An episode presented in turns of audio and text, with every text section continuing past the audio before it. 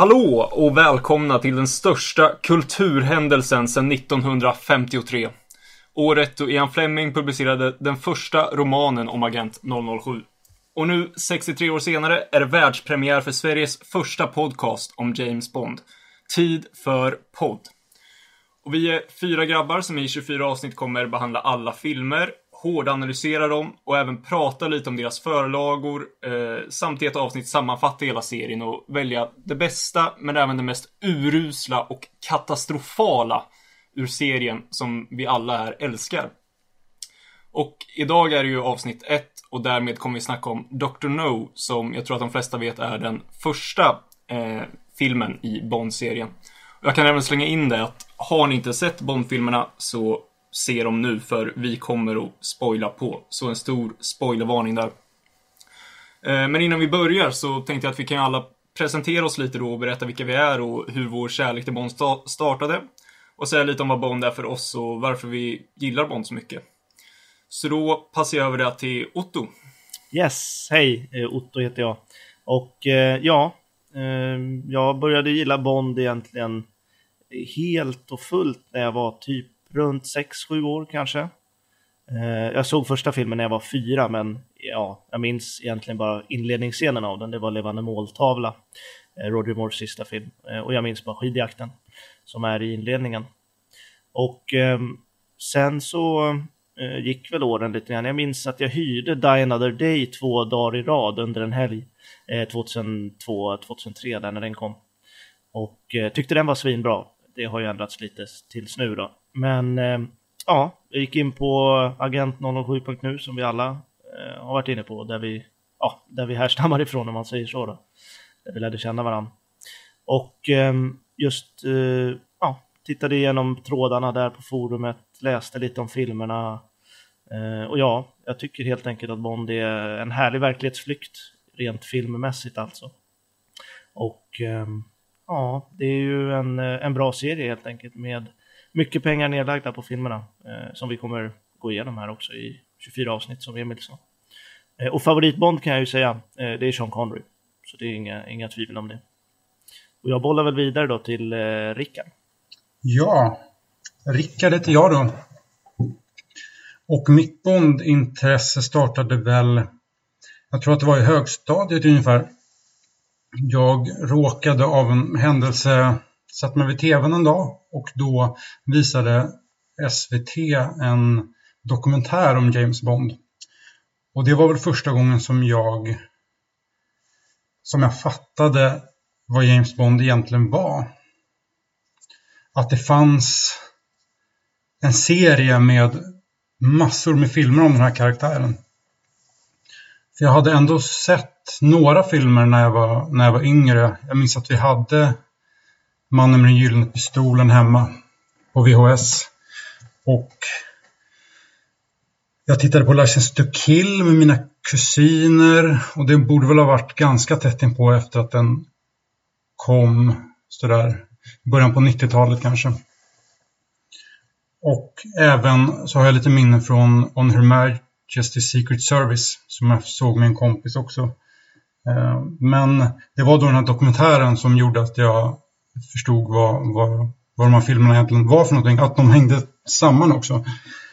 Och då började jag och en annan kompis hyra några filmer. Vi började liksom eh, beta igenom filmerna helt enkelt. Inte beta igenom, men vi, vi kollade på några stycken. Jag på något sätt tog det här intresset vidare. Han ledsnade ganska fort. Och det mynnade ut sen i att jag själv då, inte själv, men med min pappa kollade på alla filmer. För då har jag också ett väldigt tydligt minne. Ehm, jag sitter hemma i köket. Jag kollar igenom veckans tv-bilaga, Svenska Dagbladets tv-bilaga, mycket viktigt. Ehm, och på varje uppslag varje dag så var det då rekommenderade filmer för dagen. Och då var Dr. No fyra stjärnor. Och då såg jag nu kan jag ju se Bondfilmerna. De kommer gå hela våren. Så då tvingade jag min pappa att ta med mig till hans kompis hela den våren för att se Bondfilmerna. För vi hade inte TV3 som filmerna visades på då. Och då är vi kanske inne i 98, 99 kanske. Och det leder också upp till min första Bondfilm på bio som var The World Is Not Enough. Eh, du kan ju berätta lite om eh, ditt eh, bokintresse, för det är ju, vad ska man säga, ditt specialområde. Ja, och då är vi väl inne kanske i 2001, skulle jag säga. Ja, jo, det är jag faktiskt inte säker på att det var 2001. För då hade jag väl börjat gå in på agent007.nu, som Otto nämnde. Och så märkte jag då att fan, det finns böcker också. Och det finns inte några, det finns massor med böcker. Eh, och det, då började jag, jag lyckades köpa en bok på nätet. Jag minns inte, jag måste ju ha varit 16 då. Och får man handla på nätet när man är så gammal? Det, jag vet inte, men jag gjorde i alla fall det. Eh, ja, ointressant också. det gjorde jag.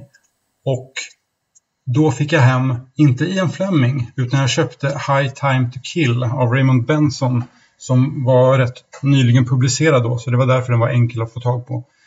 Och det är också ett sånt otroligt starkt minne för mig. Liksom jag, jag får hem den där boken och jag väljer inte att, som man annars kanske gjorde om man läste någonting, sitta på rummet på sängen sådär, utan då går jag in i vardagsrummet. Eh, jag tar fram en fåtölj, tar fram en lampa, sätter mig och läser.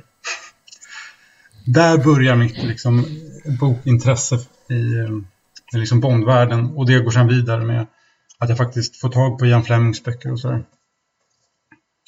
Uh, ja, det är väl min, min lilla ingång. Ja, och du kommer ju även prata också lite om, om uh, förlagarna då till varje film, om det finns någon som vi vinner lite, lite på i prestationer där. Men uh, Emanuel, du kan ju ta vid där och berätta lite om dig. Ja, mitt namn är Magnusson, Emanuel Magnusson. Eh, mitt bondintresse började väl egentligen runt sommaren, hösten 2005 då alla mina kompisar eh, lekte Bond egentligen, höll på med det. Ehm, jag hade ingen aning vad det var egentligen, jag visste väl egentligen mest bara från spelen vad det var för något. Så att jag bestämde mig för att kolla på den filmen som skulle gå på den, den veckan, vilket då var Tomorrow Never Dies, som gick på kanal 5. Och jag minns jag låg jättenära tvn sent på kvällen för att ha låg volym så att inte föräldrarna skulle höra att jag var vaken och kollade på den. Ehm, jag minns framförallt hur häftigt det var att se den här stilige mannen gå runt i en kostym, vara lugn i alla situationer och ändå komma ut med de hårdaste replikerna och få tjejen där i slutändan. Det var någonting som lämnade spår direkt så att snart därefter så såg jag till att få, få tag på all information jag kunde få tag på och eh, som en liten nioåring då läsa en bok som är 300 sidor på engelska angående James Bond. Kan väl vara kanske lite konstigt så här efterhand men det gjorde jag i alla fall. Um, efter det la jag väl ner så mycket pengar jag kunde på att köpa Bondfilmerna ute efter rekommendationer framförallt från agent007.nus hemsida. Och därefter fastnade jag väl och jag har ju levt i princip med Bondintresset konstant all time high sedan dess. Och eh, mycket personer för mig som har gjort att Bond fortfarande är så stor del det är just för att Bond-filmerna i sig visar en typ av högre ideal. Det är en verklighetsflykt och man kan ändå se Bond som en eh, typ av hjälte. Det är lite idolisering nästan.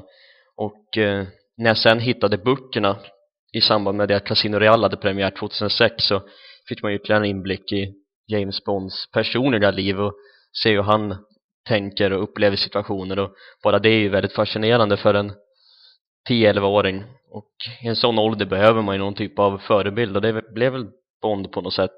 Och det är ju oerhört fin underhållning också så det tillsammans med just idoliseringen har gjort att Bond har stannat kvar under alla de här åren och förmodligen även kommer göra det här livet ut. Och ehm, ja, det är väl lite det eh, varför jag fortfarande är fast i Bondträst så att säga.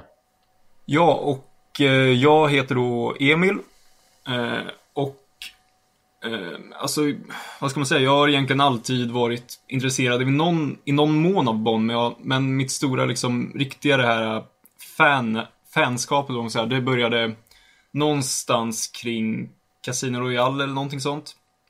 Eh, för jag har alltid liksom spelat tv-spelen eh, Goldeneye eh, på Nintendo 64, Duels Not Enough, Nightfire och så vidare. Eh, och jag såg även Brosnans filmer då. Och jag har alltid liksom gillat hela konceptet med den här häftiga killen som åker runt och gör coola saker. Eh, och jag gillade hela konceptet och då började jag försöka ta reda på mer om det och läsa mer om det. Så då kom jag också då in på Agent007.nu eh, och där började jag läsa då om alla de här äldre filmerna. Och köpte helt enkelt filmerna utifrån vilka filmer jag tyckte var mest spännande och så vidare. Eh, så jag vet egentligen inte vilken som var min absolut första film utav de äldre som jag såg. Men jag vet att jag såg exempelvis eh, Levande måltavla, Goldfinger, From Russia With Love väldigt tidigt. Eh, och man har ändå vetat att, de här filmerna funnits. För när man, när man var liten så minns jag att jag gick in eh, när min mamma tittade på, på TV och, och då kunde exempelvis Live and Let Die vara på så såg man Bond hoppa på uh, krokodilerna och det var ju liksom skithäftigt. Eh, så ja, man har i alla fall haft något intresse för det hela tiden. Men sagt, någonstans där kring Casino Real så blev det verkligen, då, då var jag verkligen fast på riktigt. Eh, och jag har även läst böckerna och gjorde, dem där ändå, gjorde det ändå hyfsat tidigt. Eh, och det har också präglat lite mitt, min syn på Bond, att jag vill, jag vill att det ska vara täta spionthrillers som, som böckerna. Jag tycker om ja, de, de första filmerna, lite så som de är, så vill jag ändå att Eh, det ska vara. Det ska inte bli alldeles för mycket action, men det ska ändå vara den här eh, coola killen som, ja, är något slags, vad ska man säga, alla vill vara honom. Eh, så ja, det är vem jag är. Och eh, nu ska vi då gå vidare till eh, dagens film som är Dr. No och då ska vi ta först lite bakgrund om den. Eh, och då passar jag det tillbaka till Emanuel. Ja, och eh, vi kan väl kanske först börja med, jag vet inte om vi ska börja med handlingen eller om vi ska börja med hur, vad, hur filmen kom till. Men vi kan börja i början på 1960-talet då den kanadensiska producenten Harry Saltzman köpte rättigheterna till att filmatisera Bondfilmerna. Han eh, fick en deadline på att filmatisera dem inom sex månader och han skulle då samla upp pengar och eh, sätta igång produktionen. Problemet var att han hade inga pengar för det första och han hade inga kontakter i England för att kunna just sätta igång produktionen. Så att rätt snart därpå så fick han kontakt med den amerikanska producenten Albert R. Cubby Broccoli som eh, tillsammans då bildade produktionsbolaget E.ON som snart därefter skulle sätta igång hela Bondkarusellen. Det första de såg till att hitta det var en regissör den de hittade, han hette Terence Young och hans inflytande som vi nog kommer att diskutera lite senare har varit oumbärligt för hela Bond-stilen. Och det är, hans inflytande präglas fortfarande i Bond-filmerna. Och eh, det andra de var tvungna att hitta var ju självklart eh, deras huvudrollsinnehavare. Den första de var ute efter det var Cary Grant känd från många av till exempel Alfred Hitchcocks filmer. Senast var han känd från eh, North by Northwest han var även en nära vän till Albert Broccoli han ville dock inte vara med i en typ av franchise utan han skulle bara göra en Bondfilm då i sådana fall. Så de fick leta vidare och då hittade de rätt snart en stor skotsk herre vid namn Sean Connery som de hade sett i filmen Darby O'Gill som var en Disney-film. Och eh, både Harry Saltzman och eh, Albert Broccoli de blev båda fascinerade framförallt av sättet hur han gick och hur sättet han förde sig på han gick tydligen som, en, som ett kattdjur. Och det var något som övertygade om att inte ens ta ett screentest av honom utan de sa direkt att den här mannen är vår James Bond. Någonting som Ian Fleming kanske var lite tveksam till i början. Så när de hade sin Bond och när de hade sin regissör så såg de till att hitta ett manus som passade. De ville ju först och främst ha en av Flemings senaste böcker som var väldigt populär i USA men som tyvärr inte hade rättigheterna till. Så de letade upp eh, den eh, sjätte berättelsen om James Bond eh, Dr. No som handlar om här hittar vi då handlingen. Den brittiska agenten Strangways har försvunnit på Jamaica. Chefen för MI6 M skickar ut James Bond för att undersöka saken. Amerikanska raketer som skjuts upp från Cape Canaveral i Florida har påverkats av en yttre okänd kraft och det var detta som Strangways skulle undersöka det visar sig så småningom att det är en Dr. No som är hjärnan bakom hela operationen och som styr alltihop från sin bas på ön Crab Key utanför Jamaica. Dr. No har låtit bygga ett underjordiskt laboratorium med bland annat en kärnreaktor något som Bond givetvis spränger i luften i filmens slutskede och därmed räddar världen för den första gången. Ja. Ja. Vi kan ju säga det också att eh, eh, bara en snabb eh, liten disclaimer också för eh, folk som kommer ta illa upp över saker som vi säger. Vi står ju inte för någonting av det som Fleming skrev om det är någonting rasistiskt eller vad det nu kan vara. Eh, som Rickard kommer ta upp till exempel i böckerna. Eh, för de skrevs ju ändå för 60 år sedan så att det är lite skillnad. Ja. Det passar ju bra då att du tar upp det, Rickard. Eh, och hoppar på eh, boken då, Dr. No, och berätta lite om den. Okej, då tar, ska vi se, då tar Dr. Podd på sig sina läsglasögon. Och så kör vi lite bok.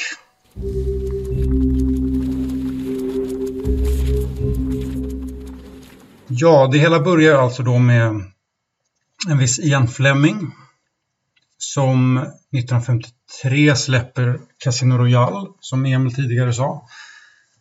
Och han vill egentligen direkt från start att den ska filmas. Och flera företag visar också intresse för att filma den. Till slut så är det ett, ehm, ett amerikanskt bolag som eh, tar de rättigheterna och faktiskt filmar den också. Det blir ett en timmes eh, avsnitt i en liveshow eh, som heter Climax. Men det var ju inte riktigt vad Fleming hade tänkt. Ehm, han ville ju då att de skulle bli film. För han, han, som han tänkte det så skulle böckerna får mycket större genomslag på det sättet. Eh, helt riktigt tänkt.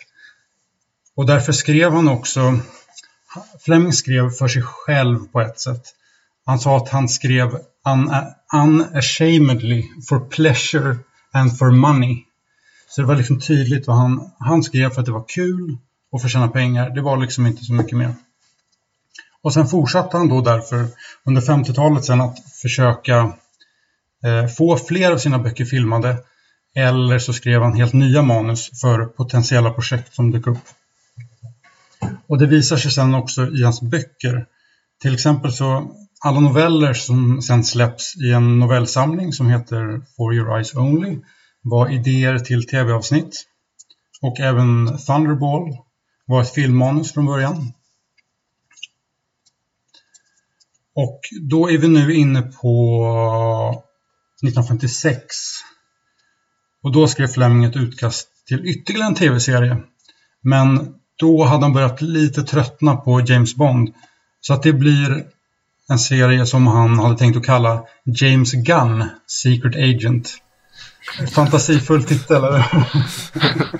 Inte så värst. Men även det här, liksom, det, föll, det föll också i stöpet.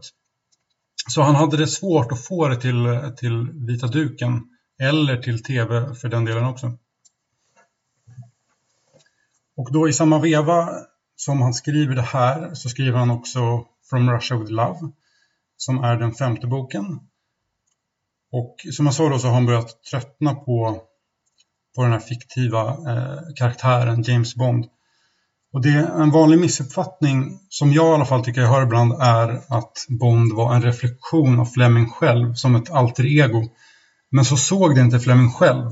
Utan Bond var bara en romantiserad figur, en version av vem som helst.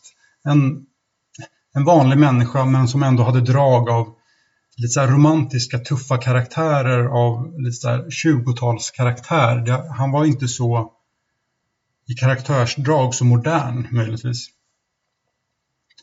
Och sen visst, Fleming ville väl naturligtvis ha lite av Bonds karaktärsdrag men han ansåg inte själv att han själv fanns inte i sin karaktär. Nej, jag vet, om jag får flika in, jag vet ju att jag har hört bara, jag vet inte om det var från Fleming-serien som gick på tv för några år sedan, men eh, Something more of a man. Alltså någonting mer än en, men, någonting mer än en människa. Liksom en övermänniska lite grann, vill han beskriva det som. Ja. Inte just att Fleming var det, men han skrev det som en, som du sa, en romantiserad, ja, mer än more than a man. Ja, och det, det är väl det som är, han har också liksom, Fleming väldigt tydligt sagt att, att jag kan aldrig vara det Bond är och jag är inte det. Alltså det, det fin, Fleming finns inte riktigt Bond. Men sen som, som sagt så det finns ingenting som hindrar Fleming från att också vilja vara lite Bond, som vi alla vill. För det är ju det, han är ju det här, han är lite ouppnåeligt sådär. Eh, Fleming åter, återvänder i alla fall till London från Jamaica där han skrev sina böcker och då har han med sig eh, utkastet till, till From Rush with Love. Men det sista han gör då, det är att han ändrar slutet. För att han vet inte längre om han vill skriva fler böcker. Och då skrev han om slutet så att James Bond dör. Eller det är så i alla fall det ska kunna tolkas. Men From Russia with Love blir en megasuccé. Kanske den bäst säljande hittills. Och den publiceras då 1957. Och då är det då är det inte så lätt för Fleming att ge upp den här serien. För både läsare och utgivare är på honom. Och han bestämmer sig då att ah, vi fortsätter. Och då, ganska tätt på så påbörjas då arbetet med den sjätte boken. Och vad gör Fleming då? Han tar den enkla vägen. Han tar James Gunn, Secret Agent och skriver Dr. No. Han gör om det till en Bond-historia helt enkelt. Och det första han måste göra då är att återuppliva sin karaktär och det är inget konstigt. Bond har spenderat sex månader på sjukhus. I boken innan då har han blivit förgiftad för att hans pistol eh, klickar. Säger man det? Ja. Ja. Mm. Och det medför då att han även i boken får en ny pistol. Och det tycker jag är sjukt intressant att för i filmserien så har ju Bond sin Walter PPK, den här signaturpistolen som kan det vara den kändaste pistolen någonsin alla kategorier? Ja, i alla fall den mest kända film. Ja, eller hur? För den, ja. Dirty Harrys Magnum kanske. Ja, möjligtvis. Men den... Det är väl de två ja. egentligen. Och det som är intressant är att då den pistolen, den, den scenen eh, i boken, att den, den, är i just den boken som sen råkar bli den första filmen. Annars hade kanske inte Walter PPK blivit en sån grej. Det vet vi inte. Nej. Eh, det så det känns som att det är en lite synpunkt. slumpmässigt att det råkade vara just Dr. No som de sen valde att filma. Eh, och filmen följer ändå boken nära. Det är nog en av de filmer som följer förlagen närmast. Men sen när man, alltså när man filmar en bok så man måste förändra historien, man måste förändra lite karaktärer och lite detaljer och scener som plockas ut eller läggs till. För det går liksom inte att, ja, det går inte att filma en bok rakt av. Eller inte vad jag vet, jag har aldrig sett en film och en bok vara exakt likadana. Och den första grejen som då som de plockar ut och jag gissar att det är Johanna Harwood som gjorde mest jobb på, på att adaptera själva boken. Det är att ta bort alla fåglar. Och vad betyder, och vad betyder att de får bort alla fåglar? Det är, ett, det är som ett liten så här underliggande, jag vet inte om man ska kalla det en tematisk grej eller någonting. Men Dr. No bor då på den här Crab Key. Och där utvinner han någonting som kallas för guano. Och guano är ja, fågelbajs som, eh, som man eh, utvinner och använder som gödningsmedel. Och det är liksom, det är inget konstigt, det finns i verkligheten, men det är liksom det han håller på med. Och så finns det också på den här ön ett reservat med ovanliga storkar som också pratas mycket om.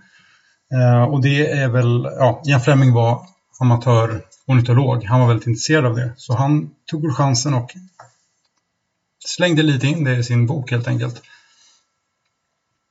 Och det här reservatet då, det gillar inte Dr. No eftersom det drar dit ornitologer som riskerar att hålla på med vad han egentligen gör.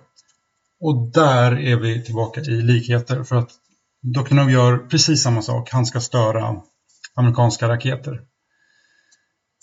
Um, och sen knyts då den här fågeltematiken ihop väldigt fint då genom att uh, Bond dödar Dr. No genom att dränka honom i ja, fågelbajs.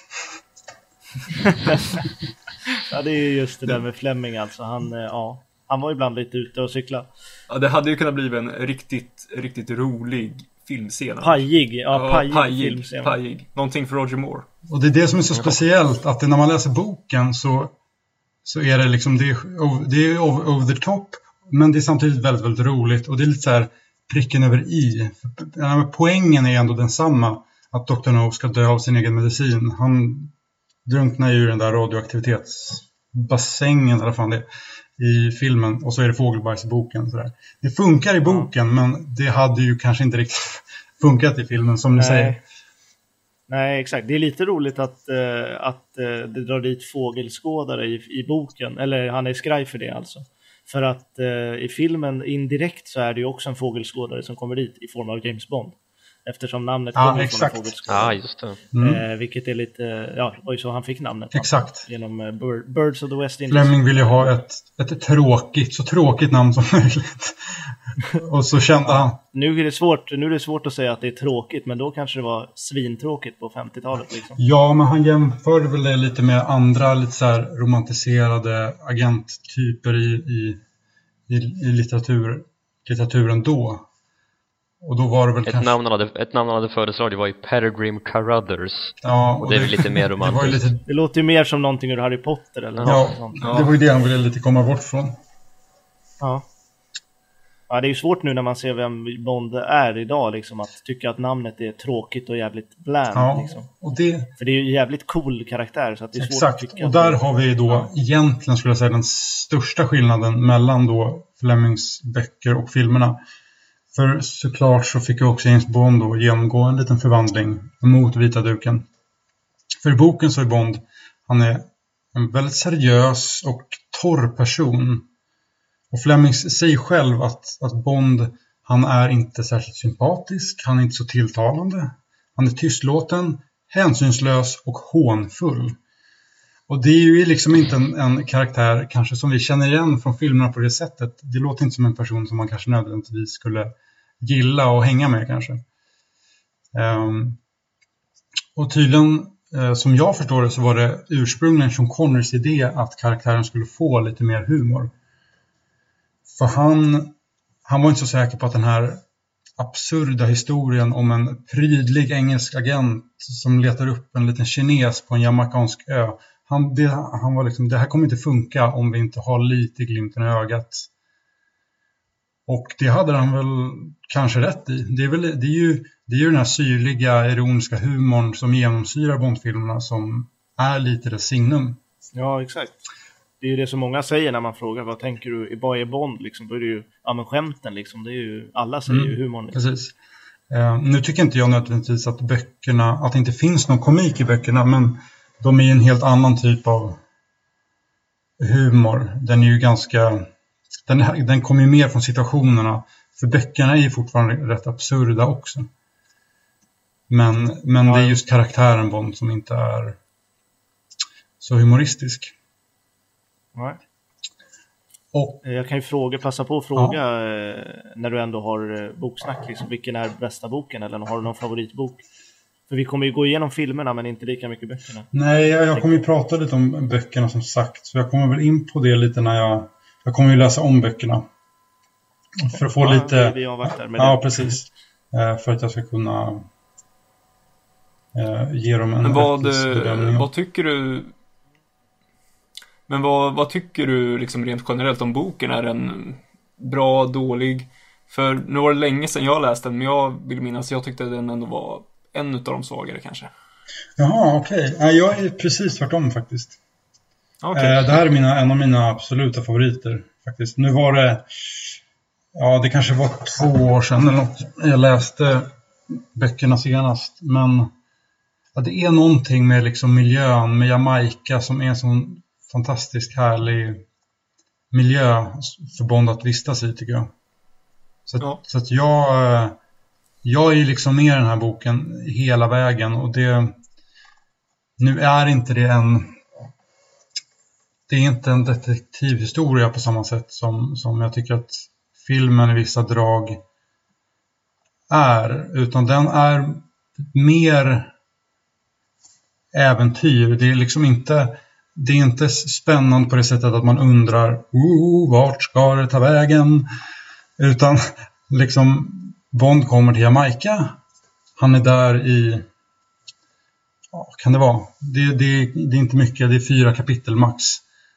och så direkt fattar han Wit, Crab Key, Dr. No, Quarrel, kom igen, hämta båten, vi drar. Och sen är ja, 70% av boken är på Crab Key. Det är det som är liksom kärnan. Det är äventyret på den här lilla, den här lilla märkliga ön som är fascinationen och inte just eh, detektivhistorien som så. Och jag, tycker det, jag, jag gillar det. Jag tycker det funkar. Jag tycker det funkar perfekt faktiskt. Ja, men det är en bra mix. Det är en bra mix av seriös thriller och lite de här over the top elementen. De, eh, för de tidigare fem böckerna var ändå mer i grund och botten spionthrillers. Kanske inte liksom seriösa som Le Carré och sådär. Men ändå hyfsat verklighetsnära. Och här då så börjar Fleming liksom ingjuta de här fantastiska, de osannolika elementen som faktiskt sen blir lite kännetecknet också för, för filmserien. Den här mixen av det är i en, i en verklig värld men det är liksom lite skruvat sådär. Eh, så att jag, jag, jag diggar den här boken faktiskt. Kanske inte min favorit ja. men den eh, ja. Men det är intressant ja. då Emil att, att du, eller ja Emil och Emanuel att ni faktiskt också har läst böckerna, kanske inte nyligen men att då kan ni också ge en liten nyanserad bild av av, eh, av vad jag tycker. Ja, jag gillade den faktiskt inte särskilt mycket överhuvudtaget. Jag minns, minns det, var, det bästa var väl egentligen när han var på Jamaica och det är väl lite samma sak jag tycker om filmen för när han väl kommer till själva Crab Key då blir det så pass annorlunda jämfört med de här de tidigare böckerna och det är någonting jag personligen inte var van med när jag gick igenom böckerna senast för det känns så oerhört tydligt att någonstans där så får Fleming för sig att nej men nu ska vi bli lite mer fantastiska. Jag tänker just på när eh, Bond stöter på den här gigantiska eh, bläckfisken till exempel. Ja. Och det är något så helt absurt när man bara fortsätter läsa och läsa och det, det skrivs som att det är det mest som att det är det mest normala i hela världen men Det är fantastiskt! Det, det blandas faktiskt inte så bra med hur boken är i övrigt och hur Bondböckerna är också i övrigt tänker det var ju bland det, mest, det de första de plockade bort när jag skulle göra filmen för det går ju inte, det är så helt absurt och ja, ja, det är sen också... Dr. No dör, det är, nej, jag köpte inte den blandningen, kontrasten mellan det seriösa och det absurda, det, det fungerar inte jag vet inte, jag kanske, jag kanske är lätt eh, lurad men jag, jag tycker bara, jag på något sätt. Jag bara skrattar med och tycker att det är roligt. Jag vet inte. Det, det kanske säger något om mig mer än om boken. Jag vet inte. Ja. Men jag håller med dig Emanuel där. Att just, just den sekvensen, den var väldigt bisarr tyckte jag när jag läste den. Jag, jag hade svårt att köpa det helt enkelt. Ja, jag kan, ju, jag kan ju hugga in lite och säga jag har ju inte läst böckerna. Jag är den enda av... Eh, jag har, läst, jag har inte läst alla böckerna ska jag säga, som ni har gjort. Eh, men jag har läst tre. Eh, For Your Eyes Only, Live and Let Die och The Man with the Golden Gun. Och tyckte de var bra så att jag kommer nog läsa för böckerna men ja, bara så att ni lyssnare undrar varför jag inte säger någonting. Jag tycker även att eh, ni som lyssnar eh, om ni gillar Bondfilmerna faktiskt kan eh, ta och eh, försöka att få tag på ett par böcker. Det skadar inte att testa i alla fall. Nej, exakt. för Bond är ju så väldigt känd för, för just filmerna men flera av böckerna är väldigt, väldigt bra. Mm. Ja. Nej, precis. Nej, det var därför jag undrar just eh, vilka favoriter ni hade. Men eh, nej, det, du kan ju dra lite Rickard, eller ja, ni tre egentligen, Bond, hur han beskrivs i böckerna. För det är ju ganska på tapeten nu med ny Bond varje gång det snackas ny Bond så snackas det ju, kan han bli blond, kan han bli mörkhyad, kan han bli... Eh, jag själv tycker att han kan bli det, men jag har ingen referens. Det är ju en fiktiv karaktär, men ja, kan han vara blåögd och blond du tänker och hur han... brunhårig och lång? Liksom, precis, du tänker mer på det då översätta till filmen. Det är liksom fysiska, hur han ser ut. Ja, attributen liksom. Ja. Eh, fysiska attributen. Hur han beskrivs i böckerna kontra filmerna, det vet vi alla hur han ser ut Exakt. i olika filmer. Ja, hur ser han ut i böckerna egentligen? Nu beskrivs han, han är inte... Eh, lång och... Han är lång, svarthårig och har gråblå ögon. Han är rätt blek och ett ärr på kinden. Det är väl så detaljerat det blir. Han är beskrivs som ja. lik eh, skådespelaren sångaren Hoagie Carmichael om Ja. Det säger det lyssnare någonting. Googla på... Det är bara googla, ja. googla ja. Hoagie Carmichael. Om ni kan stava. om ni kan stava. Hoagie Carmichael, det är inte det lättaste namnet Nej, att googla bara man hör det sägas. Men ja, googla Hoagie Carmichael så får ni se en riktig, En ja, riktig karl. riktig pärla. Men det, men det där väcker egentligen en, en annan fråga. Det är ju, vem ser man som Bond när man läser böckerna? För jag ser Sean Connery när jag läser böckerna. Och, och jag tycker även att beskrivningen stämmer överens väldigt bra med honom. Jag ser ingen alls faktiskt skulle jag säga. Nej, Jag ser någon här. sorts märklig ansiktslös person sådär. Men Okej. det, det är ju alltså Det är det som är intressant när du säger att du tycker att Sean Connery liknar liksom bokbond. För det, tyck, Ja, alltså, för det tyckte inte Fleming till exempel. Han var ju inte nöjd med att de hade valt Connery som Bond förrän han såg filmen jag tycker han liknar, alltså när vi var inne på eh, liksom hur, hur han beskrivs eh, eh, dels utseendemässigt men liksom även ja, generellt. Men visst, om man tar bort den där humorn som, som Connery eh, tog med in i, i filmerna så tycker jag att ändå att han stämmer överens väldigt väl med utseende och hur Bond rör sig och för sig i, i böckerna. Ja, jo, det kan jag nog hålla, hålla med om. Men på något sätt så, jag, eller jag får, jag får i alla fall en känsla av att, att Fleming egentligen tänkte sig någon liten, liksom en, en vanlig liksom engelsman på något sätt. För Sean Connery är liksom på något sätt inte, inte som han ser ut i filmerna, sinnebilder av en typisk liksom Nej. vit engelsman. Eh, Ja, Fleming var ju mest sugen på David Niven som James Ja, det var lite mer den, den lite, lite mer eleganta varianten som Ja. jag tror att han tänkte på. Men sen, som jag förstår det, så, så accept, accepterade han Connery ganska snabbt sen när han såg filmen. Han ändrade väl till och med Bonds släktskap till skotsk Nej, det är faktiskt också eh, en myt. För att det finns... Han skrev in det, det, det han är i alla fall Ja, skotsk Bond istället, är- Men eh, inte ändrade det efter Connery. Nej, det är inte ändrat efter Connery. Det är Nej. det som, ja, det var lite oturligt på ett sätt att den första boken som kom efter att filmserien drog igång var On Her Majesty's Secret Service. Och där pratade Fleming för första gången om Bonds släktskap eftersom den boken, om ni som lyssnar har sett filmen, handlar ju lite om släktskap med Blofeld och hela den grejen.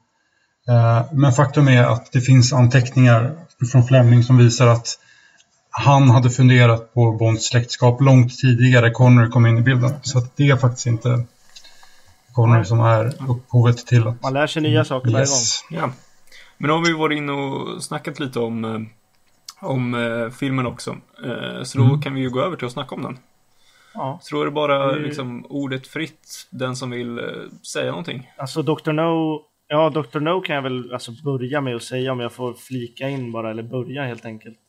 Är väl en ganska, alltså Dr. No överlag, första filmen i en serie brukar ju inte vara, den brukar vara lite trevande liksom, man brukar inte hitta stilen direkt och så.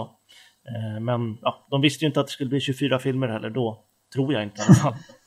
Eh, Men själva, alltså, själva konceptet finns ju där. Den är, det är en bra film. Jag tycker den är väldigt bra. Väldigt bra Bondfilm. Eh, Det är ju inte någon, något stort kvalitetshopp från Dr. No till från Russia With Love till Goldfinger till Thunderball eh, längre fram i serien. Utan det är ju, den, den sätter sig rätt bra i, i serien liksom. Eh, Och det tror jag alla håller med om. Ja, och jag blir så himla förvånad när jag ser, egentligen varje gång jag ser Dr. No, så är det så många klassiska liksom, element som redan är på plats. Allt är inte där, men mycket finns där. Bara, bara en sån enkel grej som att gun barrel-sekvensen här i början, det är första filmen. Det, det tycker jag är coolt faktiskt. Ja, det är egentligen tre, tre saker som är, eller två ska jag säga, för Gun, Barrel-sekvensen är ju alltid med, men två saker eller två scener som egentligen är ja, de två bästa scenerna, två av de bästa scenerna i den filmen just. I första filmen av Bond-serien så är de två mest klassiska momenten, ja, två av de mest klassiska momenten med. Och det är ju för det första när Bond introducerar sig som Bond, James Bond, vid kasinobordet. Det tror jag alla vi kan hålla med om att det är en av de mest klassiska scenerna. Ja. Ja, Och sen när han dödar Dent, professor Dent, skjuter honom och säger “You've had your six”. Det är också så här, eh, i första filmen, två av de mest ikoniska scenerna i Ja, det är serien. bra, alltså. Det är ganska häftigt. Mm. ja, just den där introduktionsscenen tycker jag det är en av de absolut bästa scenerna i hela, hela serien överlag. Ja. Är- Jag, jag, jag kan tycka att det är en av de bästa introduktionerna av en karaktär. Alltså inte, inte så här wow vad coolt, men det är bara väldigt så här ett statement. Hur, hur han säger det, att han tar upp en cigg, röker. Det, det är hela Och så, stämningen. musik, och så musiken som kommer svagt i Ja. bakgrunden, Bond-temat. Ja. Ja. det är så fint alltså. Mm. Ja, det är, Ja, det är skitsnyggt. Ja, alla kategorier, alla karaktärer, alla filmserier. Bästa Ja, och det jag slog som, slogs av häromdagen när eh, jag såg Dr. No igen. Så jag har, jag gissar att vi alla har sett den här 20-30 gånger minst. Ja, eller vad det kan vara. Mm. Eh, Men ändå när jag sitter där och så ser man då Sean Connery vid kasinobordet och så spelar och så säger han sin line. Det spelar ingen roll hur många gånger jag sett den här. På något sätt så blir jag så jäkla indragen så här. Vem är den här personen? Alltså jag vet vem han är. Jag har sett alla filmer tusen gånger. Men ändå så är det så här. Uff, uff, vem är det här? Det är så jävla bra alltså. Ja, ja, ja. Och du såg ju nya saker. Vi såg den ju tillsammans nämligen. Eh, för du såg ju han gubben som kommer in och frågar efter Bond på Le Ambassadeurs, eller vad det heter på franska. Eh, kasinot i alla fall. Han står ju där i slutet av scenen med rocken och väntar på Bond. Ja, Utanför svängdörren. Det hade jag aldrig sett förut. Inte... Nej, exakt. Det var också så här, man upptäcker nya saker. Det är svårt att tro, men det gör man Ja. faktiskt när man kollar på Mm. dem igen. Men eh, nej, jag tyckte, jag, apropå Terrence Young som ni var inne på tidigare, så är det ju en av de, eh, det är ju det vi diskuterar ju ofta liksom vilken, vem som har varit viktigast för serien och sådana saker. Och Terrence Young ligger ju definitivt i, ja, topp 10 i alla fall av, av enskilda personer. Det skulle jag vilja hävda. Ja, om inte topp 5. Nej, men det, det lät förut under din, när du presenterade filmen Emanuel att du hade någonting på gång med Terence Young, eller? Ja, han, han var ju mycket en, en eh, real life Bond så att säga. Han var väl kanske ännu mer åt det hållet än vad Fleming var. Terence Young levde ju verkligen det livet som Bond levde, eller som det visat upp att Bond har. En intressant berättelse, det var ju just hur Terence Young försökte lära upp Connery innan inspelningen. Han fick dricka de finaste vinerna, äta de finaste maten och han fick sova i sin skräddarsydda kostym bara för att komma in i Bond-livet och det var ju någonting Terence Young hade just erfarenhet av och det var väl mycket varför han blev vald också som regissör skulle jag tro. Ja, mycket möjligt. För det är ju ganska intressant med, eh, jag, jag satt och, just i Dr. No så satt jag bara och funderade över vilka, vilka är det egentligen som har, har um, varit, vad ska man säga, influens, eh, vad heter det, influerande, eller väldigt eh, rik på influens till Bond-serien just, eh, som är ja, de viktigaste karaktärerna. Jag satt och skissade lite på folk och många av dem jag skrev ner är ju faktiskt med i första filmen och arbetar på Vilka skrev du upp då? Eh, jag skrev upp eh, Ken Adam, Mm. eh, scenograf, eller eh, art director som det heter på engelska. Eh, Terrence Young då. Och John Barry, som inte skrev musiken men som ändå arrangerade ja, det enda bra spåret Ja. på hela soundtracket. Eh, James Bond-temat då. Och fick göra elva filmer till. Eh, och sen Sean Connery skrev jag ner. Och eh, sen ville jag också skriva ner Shirley Bassey, men jag skrev inte ner henne. Men hon har ju ändå skrivit och sjungit in tre låtar, eller inte skrivit, men sjungit tre Bond-låtar. Men hon var ju som sagt inte med i den här filmen. Nej, exakt. Hon var med i Goldfinger första gången. Alltså, om, om jag ska komma med lite, lite negativt om filmen. Jag gillar filmen. Men det finns, tycker jag, brister i den som gör att den inte är liksom Steady Topp- now! topp Steady. Absolut. Eh, nej men det, det finns ändå en del brister i den. Alltså, för det första, det, det är en lågbudgetproduktion, det måste vi komma ihåg. Och Absolut. det finns en del tekniska brister. Ja. Eh, sen, jag tänkte, när jag såg den eh, nu häromdagen, det är en grej jag tänkte på som jag... Jag förstod inte. Jag, jag vet inte om ni kan, eh, ni kan förklara, men hur, hur kom Bond på idén att han skulle få dit en, en Geigermätare och mäta radioaktiviteten? Eh, Jaha.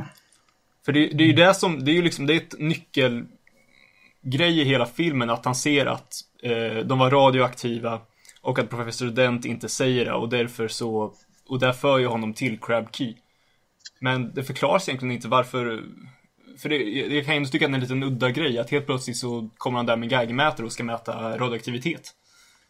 Det är ganska udda och det förklaras inte överhuvudtaget varför, varför. Men har inte det något att göra med själva raketerna som skjuts upp? För de, det var väl en teori om att det hade med eh, kärnavfall och radioaktivitet att göra och om någon håller på att fixa med de där raketerna och håller på att manipulera dem så borde det rimligtvis finnas radioaktiva spår på den platsen det har fixats ifrån. Och på, den, på det sättet gör väl den Bond-kopplingen, tänker jag i alla fall. Men det fattar inte jag heller. Vad har radioaktivitet med den här historien att göra? Jag fattar inte, varför har han det på sin ö? Jag tycker också det är sjukt luddigt. Var, varför, inte... varför? Det finns ingenting om radio, radioaktivitet i boken och jag fattar inte varför... Är det, Ja, men det är ju klassiskt E.ON, det, alltså produktionsbolaget, de spelar ju in alltid på rädslorna för tiden och just i början på 60-talet, 62, så var det ju väldigt mycket rädslor för Absolut. kärnvapen och radioaktivitet, Ja. så jag tror det är därifrån det kommer in. Jag tänkte på det också med, som du sa Emanuel, att det var väl, alltså när vi kollade Rickard och jag tänkte på det själv också när du sa det, att det var väl mest bara, det finns ju, alltså de, de gör ju aldrig kopplingen varken i filmen eller någon annanstans heller, att eh, radioaktiviteten egentligen har någonting med själva topplingen att göra. Utan det är väl bara, det är väl bara att det ska vara där och det är läskigt liksom. Mm. Ja, för han skickar ju liksom radiovågor på något sätt, eller? Och det är ju två helt olika saker. Ja. Liksom radiovågor, radioaktivitet, det, har, det är liksom... Ja, det är väldigt luddigt Ja. och kärnvapenreaktorn, eller kärnreaktorn den är ju, ser ju väldigt, eh, väldigt Det ser sketchad mer ut. ut som någonting ur typ Helgonet eller någon Precis. 60-talsserie liksom. Nej, för hela, hela liksom grejen med radio, det känns bara liksom, vad, vad gör det där egentligen? För det Det är förklaras väl ju en inte. skräm, skrämselgrej. Ja, exakt. Det är, men det, det känns ju bara, bara därför liksom. Mm. Och det, Ja, jo, sen det- det här det med det. gag, för de har ju en scen i, i, eh, i början av filmen då när Bond eh, träffar M, där de pratar lite om det här med, med att störa raketer och toppling som det kallas i filmen. Men där förklaras det inte heller riktigt det här med radioaktiviteten, så därför när, när liksom Bond kommer kom med den här mätaren så när det bara var, varför? Var var kom det ifrån? Liksom? Ja. Han, han hade kunnat, det kunde, hade ju kunnat vara vad som helst i det där paketet, men nu var det en gagmätare och man fattar inte va- varför var det en sån? Nej, Var fick Nej, han det idén ifrån? svårförklarligt. Det, vi kan ju säga det också när vi ändå är inne på ja, diskussionsdelen att det kommer ju inte bli någon hyllningspodd liksom. Vi kommer sitta och snacka och ja, som ni märker redan nu kommer vi ju hitta fel på filmerna och diskutera dem. Försöka reda ut dem och förklara varför det är så eller förklara varför Mm. vi tycker att det är dåligt. Absolut. om det skulle... Det är en ganska jämställd podd på det Ja. sättet, åsiktsmässigt. skulle det finnas någon lyssnare där ute, någon av de två som kanske lyssnar, som vet svar på någonting som vi till och med inte ens vi fattar, så, så Förklara Ja. gärna. Ta kontakt. Skriv på vår, eh, skriv på vår Facebook-sida. Ja. Ja, exakt. Det kommer ju lite eh, frågor längre fram på Goldeneye vet jag att jag har. en. Ja, okej. Eh, Så Ja. in och gilla vår Facebook-sida Ja. och skriv där om ni vill ha med någonting i podden eller om, ni, eller om vi frågar er efter någonting. Ja. Får, jag, får jag då komma med en till fråga som jag inte heller som jag tänkte på när jag såg den senast? Kör på. Eh, för det är ju... Quarrel eh, är ju väldigt skeptisk mot Bond när de ses första gången. Och jag vet att Otto och jag pratade om det här, men jag fattar fortfarande inte riktigt varför han är så skeptisk. För att Quarrel känner ju Felix Leiter, uppenbarligen. Och Felix Leiter borde veta vem James Bond är. Så Fast vad... det där, Eller? ja, fast det där tror jag förklaras i filmen för eh, eh, Felix ser ju Bond komma på flygplatsen Japp. och då hoppar han in i bilen med fienden. Mm. Och senare så förklarar ju han det i, i eh, eh, när Felix och Bond träffas första gången att eh, och jag såg det på flygplatsen men sen blev jag skeptisk om jag hade tagit rätt när jag såg det hoppa in i fiendebil. Ja, borde inte liksom Felix ha någon sorts veta hur Bond ser ut? Nej, jag vet inte. Det är... Men han kan väl bli tveksam. Ja, ja, för sig. Ja, det kan han väl. Effektat eller någonting, för det var ju väldigt mycket sånt på 60-talet. Hoppa av till fienden. Ja, det är sig sant. Lite... Och sen kan det ju vara, som jag sa också, det kan ju vara att han inte vet hur Bond ser ut, vilket är ännu mer ologiskt. Men att han inte vet hur Bond ser ut, bara att det kommer någon som ser ut lite sådär.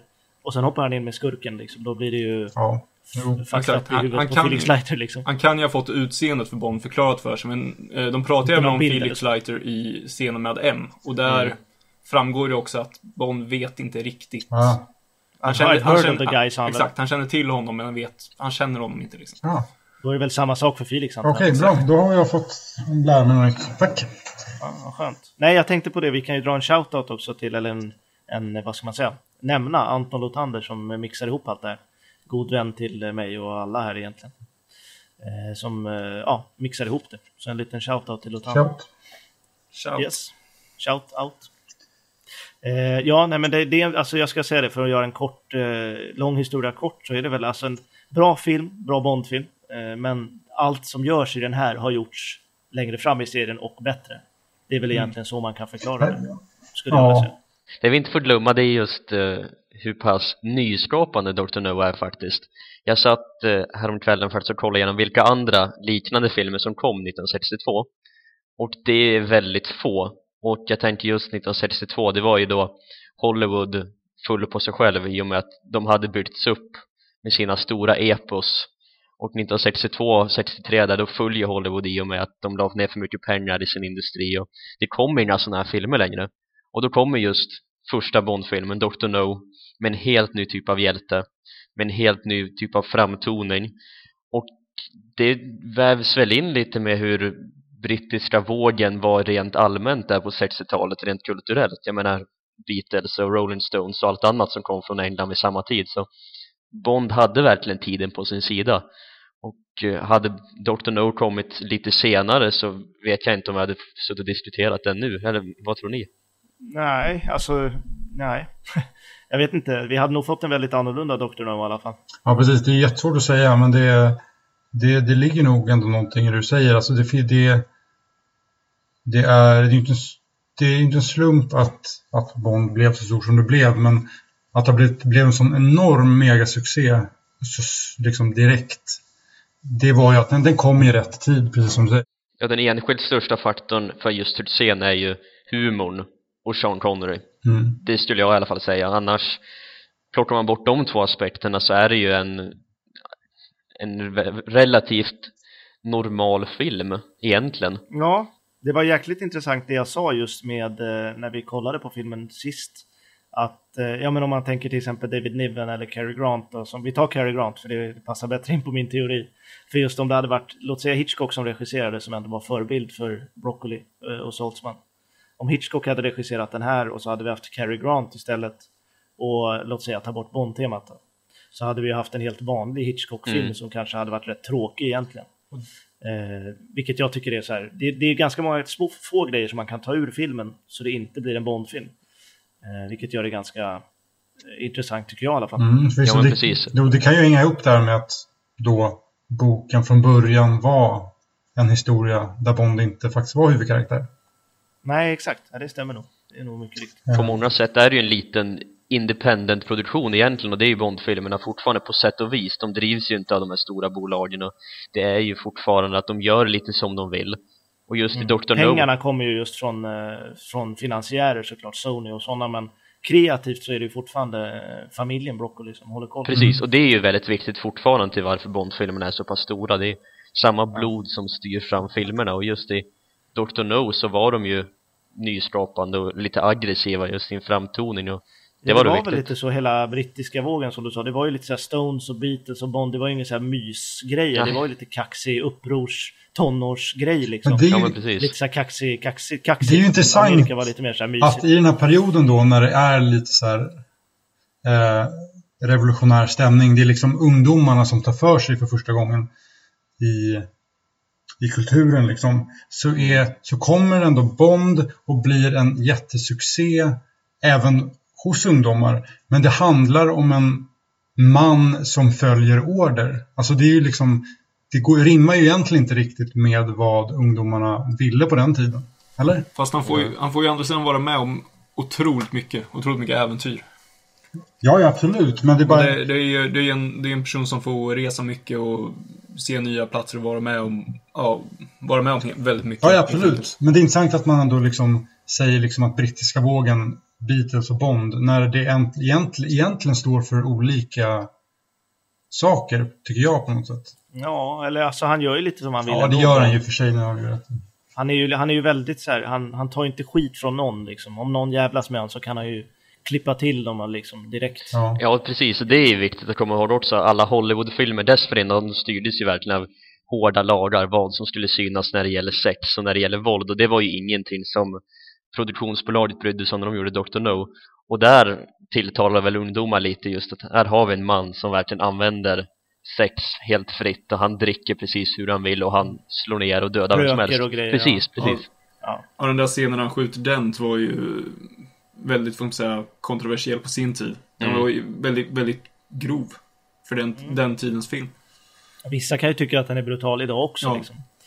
Men eh, nej, det är ju alltså, de, de tvistade väl lite om hur de skulle göra om de skulle skjuta liksom ett skott i ryggen till sen. Ja, det var ju frågan om tumma sex skott i ryggen på honom, tror jag till och med. Tumma hela magasinet. Oj. Det, är ju, det hade ju funkat med, det, det kommer vi säkert in på sen i, ja, i när vi går över till nästa Bond skådespelare och också i sammanfattningsavsnittet hur olika de är. För det hade ju inte funkat att, att göra den scenen trovärdig med Roger Moore till exempel. Som är lite mer soft liksom. Framtoningen. Han hade ju, det hade sett riktigt vedervärdigt ut om det hade varit Roger Moore som gjorde det. Eh, han har ju inte riktigt den där framtoningen som Connery har. Att, som Roger Moore själv sa, att liksom han, han kan inte vara den som kysser en tjej i ena sekunden och sen sticker en kniv i ryggen på henne i nästa. Nej, det, Vilket Connery skulle kunna göra liksom. Eh, Men som du sa Emil, med bra, bra, bra kontra dålig film. Det är ju en lågbudgetfilm som du sa och Rickard och jag garvade ju högt åt biljakten. ja. Inte, Ja. den med, eh, inte den med chauffören och han utan med eh, They went to the, they were on their way to a funeral. Ja, den är ju, den, Mm. eh, den är ju riktigt... Men Ja, jag vet inte vad För jag de ska kommer, säga. ju runt, de kommer ju runt samma kurva tre gånger. Om ni kollar på Dr. No så kolla första kurvan, ja då sladdar de fett coolt tänker man. Sen kommer de runt samma kurva en gång till. Exakt samma vinkel och ingenting har de ändrat på. Och sen så fortsätter de, så, fil- så filmar de typ tre sekunder med green screen bakom honom eller back projection. Och sen i nästa klipp, då har de typ klippt i en sekund. Sen är han längre fram på den kurvan, samma klipp. Så de hade typ bara ett klipp på riktiga bilar som körde Åh. och sen använder de det. Ja, det är så dåligt alltså. Och i den kurvan så bara skriker däcken när de kör på en Ja, grusväg. ja, ja. ja, det är också så här, vad fan. Det borde ju vara grus. Ja, det där det är faktiskt, Det där, ja, det är riktigt det är dåligt. faktiskt den enda, enda, faktiskt enda gången i filmen som jag är riktigt så här, men vad fasiken, skärp er, vad gör ni? Och det var ju det var roliga var att du sa Rickard att i första scenen när Quirrell och Felix Leiter i Mm. den bilen jagar efter Bond och chauffören. Så, så är det ju liksom bara filmat på bilarna, ingen green screen. Ja. Connery sitter Ja. där och hatten Så fladdrar. och varför, varför de gjorde de inte exakt. Det, det där tänkte jag också på, för den, den scenen ser ju snygg ut, men sen kommer nästa biljakt och det är... Ja, jag, det? Hade de bara- slut på, hade de gått hem för dagen eller vad, vad var Exakt, det? det är liksom bara... Den var ju lite efterhandskonstruktion den scenen för just Ja, när de det. svänger där och ser den här byggställningen, är det en last, är det, en traktor? En, hög- det är en vad heter det? Så här, steg... Ja, visst är det någon typ av kranbil. ja. Ja. Då, de såg ju den i princip samma dag de skulle spela in och då beslutade de ju sig för att, ja men kan vi inte avsluta den här jakten i och med att, att Bond svänger under och bilen, den här bilen med fienderna i den svänger ner och kraschar. Så jag tror att i början så var det väl snarare tänkt att det skulle vara mer av en jakt och att de dör på något annat sätt. Jag, jag minns inte riktigt helt. Och därmed kommer Connery också på den här briljanta repliken som han säger i slutet på scenen. Så det var ju mycket improvisation just i den scenen. Jag tror det är därför den ser så pass ja, jag, dåligt tänkte, gjord jag nu. tänkte att det kanske var Men det, ja, som... men det där med, med eh, kranen, alltså om kranen gick att höja och sänka, för nu har de gjort det även när de åker under kranen med green screen. Ja. Jag vet inte, var, var de ens på plats med bilarna? För då hade de bara kunnat höjt kranen och sen kört bilen så att bilen fick plats under. Ja. Det är ju Nej, det är också jättekonstigt. Många frågor som Ja. är väldigt svåra att besvara. Kommer aldrig få svar på de frågorna. För det är apropå den repliken, den tycker jag inte är så jävla kul. Nej, och det är ju Nej, ändå jag den första one-linern väl nästan i Bond-serien. Är det det? Nej, den första är eh, His Just Dead va? Vad sa du? His Just Dead som man säger när chauffören Jones har Ja, dött. just det. Nej, det är det- don't, don't uh, make sure he doesn't get away. säger Ja, han. precis, precis. Ja, make sure it doesn't. Eh, men det är ju en grej som jag skrev ner faktiskt. Det var kul att du tog upp det. Med att just Connery hade en grej för att just lämna döda människor på platser och bara säga han är död Mm. eller han är dödstrött eller hon är död.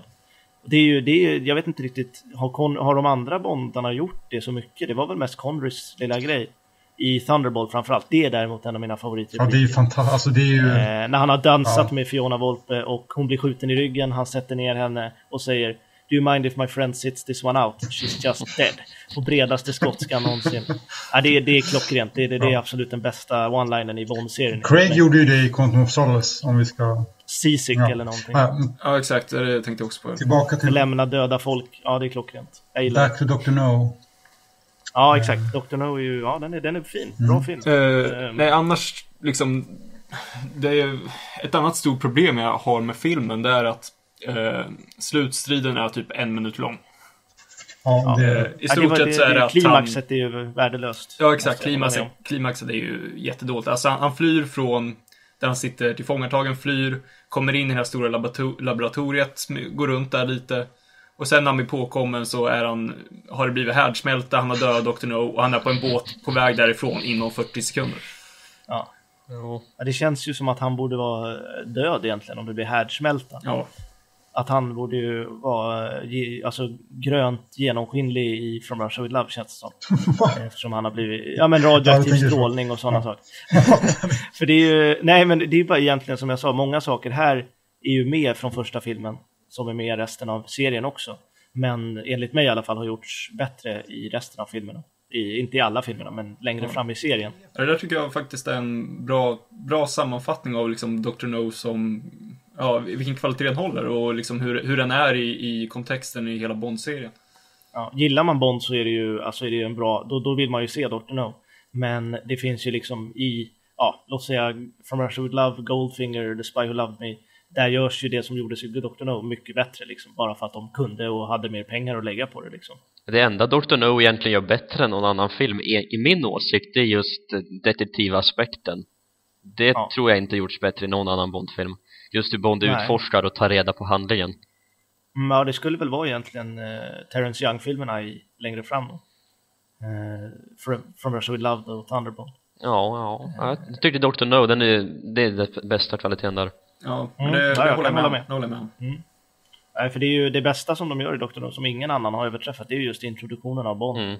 Bond, James Bond har ju aldrig yttrat så bra som den gör med hela stämningen, Bond-temat, Connery, cigarr, äh, cigaretten och allting. Alltså det, Men det är ändå ja, det är 10 någonting med, med Dr. No som jag verkligen, alltså, som jag liksom diggar riktigt så stenhårt. Alltså jag, det, det, Bond är liksom så jäkla mycket Bond i hela filmen tycker jag. Mm. Alltså det börjar egentligen, som, först är det då kasinoscenen och sen kommer han hem till, till, till, sin lägenhet och där är Sylvia Trench. Och då, liksom, då ser man den här agenten liksom direkt. Han är seriös, han drar pistolen och liksom och sen när han undersöker sitt hotellrum till exempel i, på Jamaica. Alltså det är lite sådana karaktärsdrag som sen försvinner som jag liksom älskar med Dr. No. Att Bond... Om vi ska ta, ja, men om vi ska ta det där med hotellrum, mm. hotellrumscener, den tycker jag ändå också står sig. Jag gillar de här scenerna på hotellrummen. Mm. Eh, och när Bond är på hotell överlag, jag tycker de oftast blir ganska snygga. Men just den serien är ju faktiskt, står sig väldigt bra jämfört med andra hotellscener. Så det är, det är väl också en scen som faktiskt är väldigt, väldigt schysst när han, eh, när han lägger hårstrået på garderoben och så vidare. Mm. Ja, verkligen. Ja, verkligen. Sen tycker jag liksom bara en, en schysst detalj sen också när han kommer tillbaka och han ska eh, dricker lite vodka och så slänger han den flaskan som redan var öppnad och öppnar en ny. Ja, just. Och en, en skön detalj bara i på att han, han tänker liksom ett steg längre. Helt. Ja, den kan vara förgiftad. Då skiter vi ja. ja. Precis, lite sådana grejer som jag verkligen eh, diggar med Dr. No. Att den är, den är ju väldigt low key. Det är ingen actionfilm på det sättet. Och det är just Nej. det som jag gillar med den. Faktiskt. Ja, jo. Alltså det är, ingen, det kanske inte är den bästa filmen Även om det är den första filmen i serien, men vi har ju diskuterat det länge, alltså vilken film man ska börja med. Eh, när man ska introducera någon för mm. Bond, För när vi kollar ett maraton så kollar vi ju oftast Dr. No och framåt. Och det är det vi kommer göra nu men, också. Ja, exakt, exakt. Men för introduktionsfilm så är det väl någon av de mer, vad ska man säga, någon av de mer lättsmälta filmerna. Så är, ja, det kommer vi komma till sen också, men det är ju inte Dr. No som är den optimala skulle inte jag säga. Nej, för att visa för en oinvigd vad Bond är så är det ju inte Dr. No Nej. man tar. Jag tror att de skulle säga det här, jag har tänkt att det skulle vara mycket mer fartfyllt liksom. Det kommer nog de flesta säga om man, om man visar Dr. No för mm. en oinvigd som du sa. Dr. No kan vara bra att avsluta i sådana fall ett maraton med om det skulle vara så, för då kan man se att okej, okay, det är här allting kommer ifrån. Ja, jo, det är sant. Första gången man kollar igenom filmerna så är det, det är intressant reflektion. Men nej, Emil, eh, eller vem var det som sa det? Det vet jag faktiskt inte, men att just eh, Bond är väldigt mycket som Bond, Bond är väldigt mycket Bond här. Det var du som det sa det. Det var jag som sa det. Just det. Ja, det var riktigt. Eh, och det var, det var just det att jag skrev också ner det, jag tog lite anteckningar. Just att i den här filmen så tycker jag att bästa gestaltningen av Bond genomförs av Sean Connery.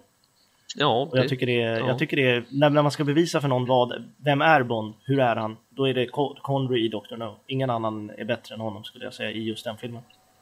ah, det vet jag inte om jag håller med. Ja, det, det, det, det, det kommer vi kanske till eh, om några avsnitt för min, för min ja, del. Jag kände att jag var tvungen att ja, säga ja, det i Dr. No, för ja, jag tycker att det är det. Uh, för att uh, det är liksom, allt annat kring honom har blivit bättre till de andra filmerna. Eh, mycket i alla fall. Ja. Men Connerys gestaltning, nej det, det är 10 av 10 där Ja, Connery är, ju, Connery, Connery som Bond är ju 10 av 10. Men ja. jag tycker han är bättre Förutom i Only Live Twice och Diamonds of Forever. Ja, exakt. Där är han tre av tio. Nej. Men han är riktigt pösig där, ja. Nej, men han, han, är, han, är ju, han är ju den bästa Bond tycker jag. Och, men han har gjort bättre. Bättre prestation. Tycker du det? Ja, Ja, nej, jag, jag, tycker det. tveksam. Tveksam. Det är många saker också ska jag säga som eh, titelsekvensen till exempel. Är ju också med här. Även om den kommer direkt efter eh, Gun Barrel. Ja. Så är ju titelsekvensen med och det var ju också en grej som återkom i, eh, i, eh, i eh, ja, framtida filmerna helt enkelt. Förtexterna var faktiskt min första anteckning kring filmen. Och den var enkel Binders sämsta förtext. Oj! Det är tycker det. jag absolut det, var inte. ett, det håller jag inte med om. Jag tycker det är en av hans Ja, jag bästa. tycker det. Om man ska vara. Nej, jag, jag, Nej, jag jag, skulle aldrig säga att det är-. Åh fan, nej, jag skulle typ, jag, jag tycker nästan att Binder egentligen bara blev sämre och sämre. Mm. Han blev jävligt fantasilös i slutet Japp. med License to kill och, Ja. och The Living Jo, Daylights. Det var riktigt tråkigt faktiskt. Det, ja, ja, men det kan jag Det var mycket, proje mycket projicera laser på, på damkroppar liksom. Det var inte, det var inte så jäkla Och jag- kul i längden Och alltså. jag kan, ja, det kan jag nog faktiskt hålla med. Han är, han är extremt fantasilös i slutet, men jag tycker, det en, Ja. jag tycker ändå inte förtexterna är jätte, jättebra. Men Ja, jag skulle tycka att de är lika bra som filmen egentligen. Ja, jag- Alltså jag ger ju filmen 8,5. Eh, Och titel, titelsekvensen är definitivt... Jag tyckte det var väldigt snyggt med, alltså inte skrikiga färger, men väldigt klara färger. ja, Jag tyckte det var riktigt, det kändes som att det var något gammalt, någon italiensk agentfilm eller någonting. Liksom. Jag, jag tycker om det. Jag, Man glömmer ju alltid bort det här Three Blind Mice i slutet. Det är något som man aldrig kommer över. men jag gillar det är det också. Nej, men det, nej alltså, jag, jag, låten tycker jag är okej, men alltså det, det är liksom, jag vet inte, det här med alla blinkande saker som man nästan får epilepsi innan man ens kommer igenom halva och det Andra halvan tycker jag funkar bra, men första halvan då, alltså man, man får ju nästan titta bort för att man, man håller på att liksom få skakningar. Ja, nej, jag, jag vet inte, alltså jag tycker, jag tycker det var, det, som sagt, nu har jag inte riktigt en recollection i huvudet om hur alla titelsekvenserna är, men det är, jag tycker verkligen att eh, titelsekvenserna bara blev sämre och sämre, som filmerna blev då också, lite fantasilösa med Roger Moore på slutet. Eh, så det var ju, ja, nej, jag, jag tycker Dr. No, jag diggar dem som fan. Fast musiken i titelsekvensen, då tycker jag att trummorna är mycket sämre än Three Blind, Mi- Three Blind Mice. Ja, det är ju Ja, märklig musik, är- musikaliskt, Ja. att de liksom bara Mm. byter låt helt plötsligt så. Mm. Jättemärkligt. Ja, det kommer vi också komma till sen, att klippningen av musiken av eh, Peter Hunt framförallt är ju riktigt värdelös ibland. Alltså bara klara, klara fejdar eller ibland klipper han till och med bara. Alltså slutar musiken bara plopp, nej nu var det slut på musik. Lite så. Vi är ju inne på musik nu, så då kan vi ju utveckla lite om vad vi tycker om musiken i filmen egentligen. Ja, jag kanske ska ta mitt musikavsnitt till och med. Ja, eh, kör på.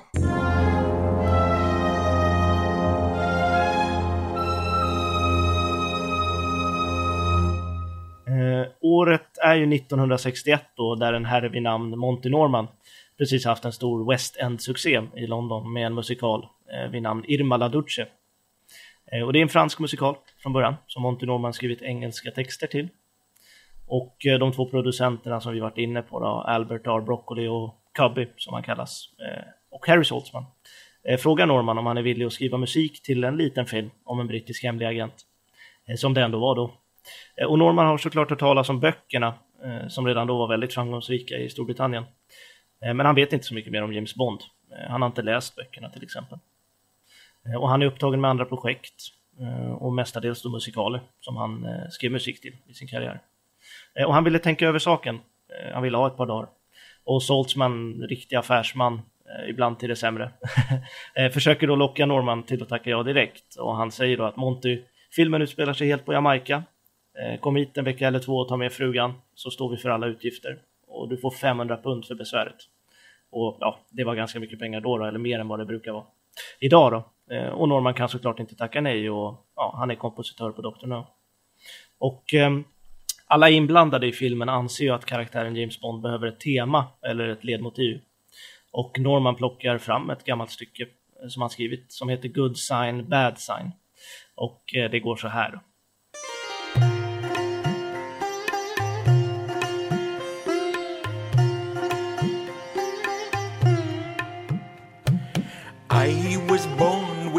Unlucky sneeze, and what is worse, I came into the world the wrong way round. Pundits all agree that I'm the reason why my father fell into the Och village. eh, han skriver James Bond-temat baserat på det stycket. Och både regissören och klipparen Terrence Young Peter Hunt är inte nöjda med själva soundet som låter väldigt jamaikanskt eh, och inte alls passar de spännande bitarna eh, där musiken ska användas.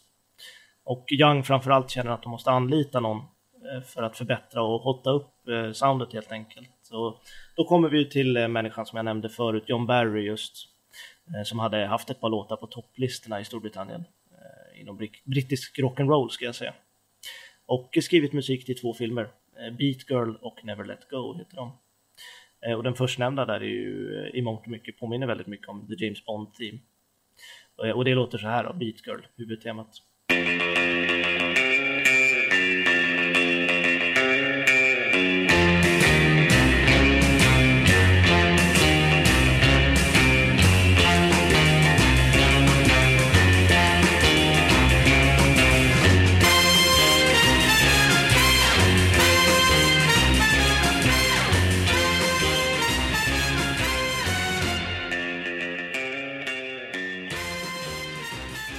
redan här hör man ju uppenbara likheter som sagt med The James Bond Theme. Eh, och John Barry tackar ja till jobbet eh, för 200 pund. Och eh, tyvärr så har jag inte kunnat få tag på någon Monty Normans ratade version, vilket kanske är tur. Den vill man ju höra. Av, eh, ja, den vill man verkligen höra. Eh, för det är ju, ja, det låter väl som resten av Dr. No-soundtracket kan jag tänka mig. Men det är originalet i alla fall, när Barry hade gjort sitt, det låter så här.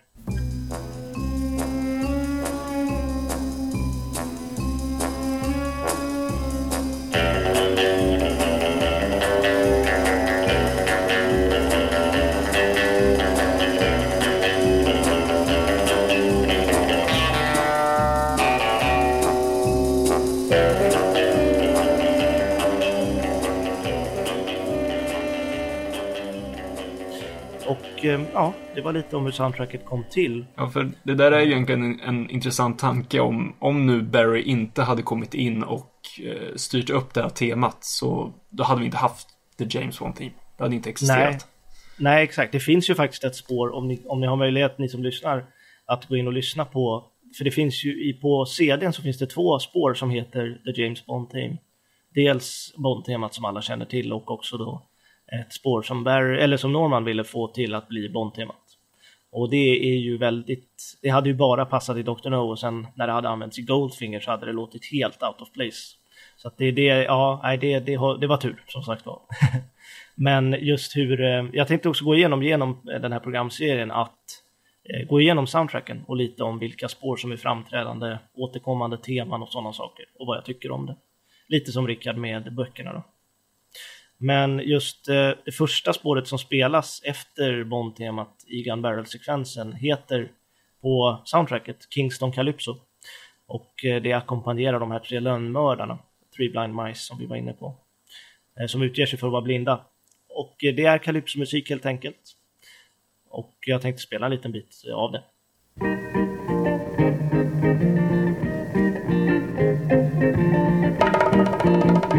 mice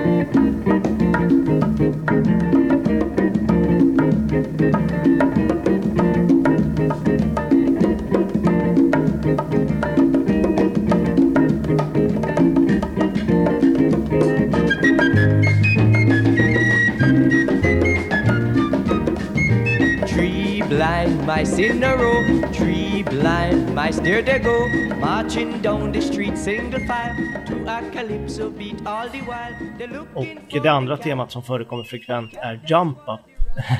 och eh, Jump Up, eh, som alla som har sett Dr. No vet, eh, är en dans från första början som helt enkelt var väldigt stor på Jamaica då när de spelade in. Och det var helt enkelt, som namnet antyder, hoppa upp och ner och klappa händerna. och eh, ja, Monty, Norm, Monty Norman skrev ett spår som på soundtracket heter Jump Up. Och det spelas ja, i, i huvudsak när Bond är med Quarrel på Pussfellers eh, bar slash klubb. Eh, och det låter så här.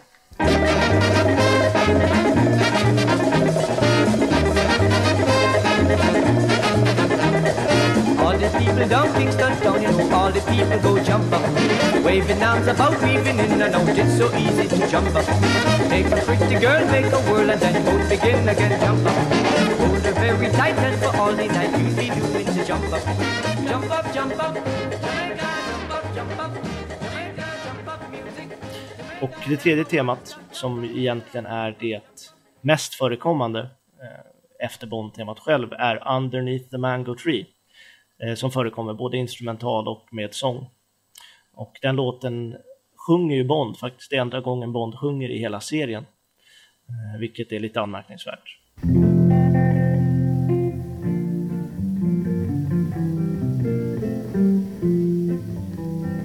Underneath the mango tree, me honey and me come watch for the moon. Underneath the mango tree, me honey and me make boolooloop soon. Underneath the moonlit sky, me Och honey. jag vet inte om någon av er har koll på det, men eh, om det var Connery som sjöng på, på inspelningen. Det måste det nästan ha Ja, varit. det var det. va? Ja. Ja. Connery var ju min manskör på Skottland när han var ung så att han hade ju lite Okej. bakgrund faktiskt. Ja. ja, jag tänkte det, för det lät inte som att det var, alltså alla, man vet ju inte riktigt hur Ursula Andrews lät och så, men Connery vet man ju så tydligt hur han lät, så det hade ju låtit konstigt att dubba honom i sången bara. ja, jag tänkte på det när jag såg filmen, att han träffar nog ändå en del toner rätt där alltså. Ja, inte jättedåligt. verkligen. Nej, alltså det, det, ju, det ska inte vara svinbra, det hade låtit konstigt liksom. Men eh, nej, jag har också tänkt utse varje soundtracks bästa spår. Eh, I Doctor No är det ju egentligen den enklaste uppgiften av alla. Ja, säg soundtracks Otto, att göra. vad är det bästa spåret? Ja, det är inte Audio Bongo som ett spår heter. Utan det, det bästa spåret enligt mig Dr. No är det James Bond Theme då. Och det som Barry omorkestrerade och omarrangerade. Eh, dels eftersom det idag lever kvar då, både i serien men också i, i filmvärlden. Eh, och där är ju också ett sånt där, som PPK, en Walter PPK-pistolen, så är ju Bond-temat en sån där tema som verkligen ja, definierar en hel serie och som är bland det mest kända inom sin kategori. Alla känner ju till Bond-temat. Det. Och eh, ja, eh, det definierar karaktären James Ja, Bond. det gör det ju i allra högsta grad. Ja, verkligen. Det är väldigt så här jazzigt och hela soundet egentligen kommer jag gå in på mer när man kommer till Barrys filmer och när han gjorde musiken till dem. Han tillsammans med ja, Morricone, Williams eh, eh, definierade ju en genre av filmer då. När Morricone definierar western och Williams lite grann omdefinierade sci-fi så gjorde ju Barry det med spionfilmerna. Eh, För annars var det ju väldigt mycket helgonet-soundet som var väldigt starkt eh, övermixat. Ja, det var jättemycket grejer som lät där och där var det lite mer smooth, lite mer slick musik. Det är ju det som Som är Barry så fint med Barrys musik, att det är den här lite så här, i alla fall till en början och i Bond-filmerna, kanske inte alltid hans andra filmer, men det här att det är den lilla mixen av jazz och symfoniorkester. Som, och det är ju just det soundet man tänker sig när man tänker agent. Och det är ju Barry ja, som har skapat det. Ja, det fanns ju inte så mycket sånt in, alltså alla soundtracks som, som folk eh, eh, nämner som, som Bond eller spionfilmsmusik kom ju efter 62. Mm. Mer eller mindre i alla fall. Rätta mig om jag har fel, för jag kan vara väldigt fel ute. Men det kändes som att när jag lyssnade på soundtracket och såg filmen så kändes det som att mycket av soundtracket bara inte kom med i filmen. Ja, Och, Jo, det stämmer. och vice versa också. ja. För där var det ju eh, en snubbe som heter Burt Rhodes som eh, hade skrivit det. Jag vet att Rickard har lite koll Ja, eller alltså, jag vet inte om han skrev det själv. Alltså, Burt Rhodes var ju då Monty Normans eh, orkestrerare. Så att jag, om det var så att Monty Normans typ skrev utkasten till den musiken. För det finns ju då i filmen, man ska kalla det spänningsmusik eller vad man ska kalla det för. Eh, till många scener som jag tycker att den musiken är ganska bra. Den kanske inte är liksom Barry genial på det sättet, men den fyller sin funktion och är ganska skön sådär. Och den kommer ju inte, det finns ju massa sånt som inte som de inte tog med på soundtracket heller. Och det undrar jag om det är för att att Monty Norman kom med sin musik och så och så sa producenten att det här det här kan vi inte använda, kom, gör något mer, något bättre. Och att, hon, att han tog hjälp av Burt Rhodes och att den musiken kom så sent att den inte kom med på soundtracket. Jag vet inte, kan det vara så? Kan det vara? Ja, nej, Nej. det, det är nog mycket möjligt. För det är ju Ja, så- Det låter rimligt. För det finns ju så med andra soundtrack i, i Bond i, i Bond-serien där liksom de hann bara släppa halva soundtracket eh, när det skulle släppas i fysisk skiva liksom för att kompositören hade inte hunnit skriva klart allting. Nej, nej, det är möjligt. Det är möjligt. För det, det är också en sak som, som jag kommer gå in på också mycket mer med Barry. Jag, varför jag inte beskriver honom här så mycket. Han har ju en stor del i Bond-filmernas framgång. Men varför jag inte beskriver honom här är för att jag tänker beskriva honom lite mer i framtida poddavsnitt. Eh, då han, då han skrev musiken helt och hållet.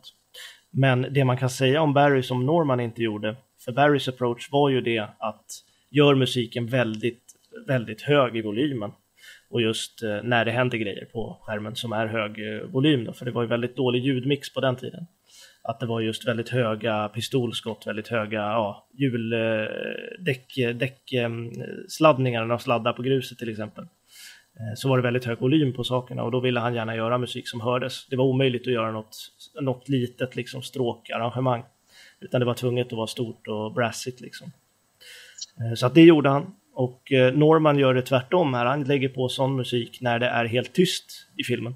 Till exempel när Strangways och hans sekreterare blir skjuten då, så är det världens högsta musik jag någonsin har hört i princip. Eh, Just att det, det. det, det är väldigt, eh, ja, det känd, man, man märker ju ganska snabbt vem som var den kompetenta filmmusikkompositören av de två i alla fall. Eh, Och varför Barry fick fortsätta. Men just för att avsluta lite där på, på soundtracket eh, så är det ju faktiskt, eh, Barry hade ju ingen aning om hur mycket musiken skulle användas. Det spelas ju Någonting hela tiden verkligen. Ja. Det är ju överallt. Han trodde han skulle skriva det till titelsekvensen just. eh, Och inget mer, men den användes vid åtta tillfällen har jag räknat. ja, för den används ju på Eh. många sätt som den aldrig någonsin skulle göras i andra filmer. Ja. Nej, inte idag heller. Det var väl Nej. egentligen i Tomorrow Never Dies, David Arnolds första film, eh, när han gjorde musik. Då var det lite På liknande. 90-talet. Ja, då var det lite liknande. Hela tiden när han kör bilar, när han... Ja, det var, det var lite sådär kan jag tycka. Men ja, de gillade väl temat. Peter Hunt sa att han älskade temat, så att han ville gärna klippa in det så mycket som möjligt. Nej, jag, jag tänkte bara, eh, jag tänkte byta ämne eh, lite. eh, På att, ja men soundtracket, att jag tror att vi alla är ganska överens om att soundtracket är väldigt dåligt. Ja, jag tänkte precis komma med min verdict på Ja. soundtracket nämligen. Eh, för det är väl ingen höjdare egentligen som alla vi kan vara överens om. Ja. Och även där är det ju liksom, den här, det här soundtracket är, ja, passar bra in på Jamaica, men som många andra Bondfilmer så har andra Bondfilmer gjort det mycket bättre. Och ja, ingen musik som sticker ut förutom Bond-temat, eh, ingenting som skvallrar om att det är en James Bond-film förutom Bond-temat. Eh, väldigt exotisk musik, eh, Goldfinger-mallen också hade inte kommit till än. Den som gjorde hur man ja, gjorde Bondfilmer fram tills, ja, egentligen Casino Royale mer eller mindre. Eh, Men ja, redan i nästa film så märkte man ju en stor uppgång i eh, eh förbättring av musiken. För Barry kom och skrev hela musiken då, förutom titellåten. Eh, Och ett betyg bara, eh, är 3 av 10 till Dr. No soundtracket. Ganska tråkigt. eh, Ja, inga egentliga melodier som är särskilt bondiga. Jumpa på Underneath the Mango Tree till Men exempel. Jump Up Alltså- är en skön låt. Det måste Ja, jag, jag skönt, gillar absolut. faktiskt Jump Absolut. Up och jag gillar liksom att eh, den, för den används ju eh, bara på eh, restauranger och det skapas ju en- ändå någon form Mm. av stämning på Exakt. restaurangen och då, där är ju ändå tanken att det ska vara lite mer jamaicanskt. Så där tycker jag är ändå ett exempel som funkar väldigt bra. så kallad diegetisk musik för er som kan ja, lite specialiserat på filmmusik. Det är sånt som uppfattas av karaktärerna. Mm. Alltså. Och det ser man ju tydligt på den killen som bara goes bananas Ja. på dansgolvet. och bara skakar. Det måste ni ju kolla upp också. Ja, alltså. ja. Kolla Dr. No-scenen på Pussfällers bar när hon fotograf, eh, fotografen kommer och ska fota. Då är det en gubbe som har ja, seizures. Han har väl sett titel, titelsekvensen eller någonting. Eh, och rycker till ordentligt alltså. Så att han... Så- eh, nej, det, det var helt enkelt Så kan det gå om man lyssnar på Jump Up. Akta er. Ja, alla soundtracks som, nästan alla ska jag säga, soundtracks som kommer efteråt är bättre. Mer eller mindre. Så det var, det var musiken helt enkelt. Lite frågor på det kanske, jag vet inte. Om ni undrar någonting eller? Eh, du, du tog väl upp det viktiga. Skulle jag, jag... Ja, Ja. ja, jag tror Vad det. tycker vi om soundtracket då, allihopa? Ja, men det är väl ungefär sådär att eh, de liksom, vokala låtarna tycker jag är, de är rätt sköna. Liksom. De kan man sätta på och liksom digga med. Men det, man, men det går inte att lyssna på hela soundtracket. Man blir knäpp efter fem minuter. Ja. Det känns ju mer som någon musik man skulle använda i något förhör för att tvinga fram någon och svara på saker. Det, kanske inte vet, de kanske använder det på Guantanamo eller någonting. Ja, det är möjligt. Eller på Crab Key kanske. För det, det känns ju väldigt mycket som att det är sån här musik som Dr. No lyssnar på. För han är ju, om, om, om han hade ett film, om han hade ett Han- soundtrack ja, var- eh, så skulle han ju ha Dr. No. Han sitter i det där rummet i gallret där uppe på stolen och små Ja, exakt. hörlurar och så lyssnar Ja, han sitter och lyssnar. ja, det är så jäkla bra alltså. Eh, för det är verkligen, alltså audiobongo till exempel, det låter ju som att det är mobilstörningar typ. Eller som att man letar efter modem eller någonting sånt. Om ni var... Folk som är tillräckligt ja, gamla det vet hur det låter. Ja, för jag tänkte också på det. Det låter ju bara som... Det låter ju lite som den här uppringningstonen från gamla modem liksom. Ja. Ja, är- exakt. den är. Bip, bip, bip, Ja, skulle det, den det är så dåligt alltså. Nej, det går. Det är väl typ när de smyger i träsket eller. Ja, Nej, det, det är så konstigt. Alltså sån musik, bara, inte för att hylla Barry, men det vill jag gärna göra för han är bäst.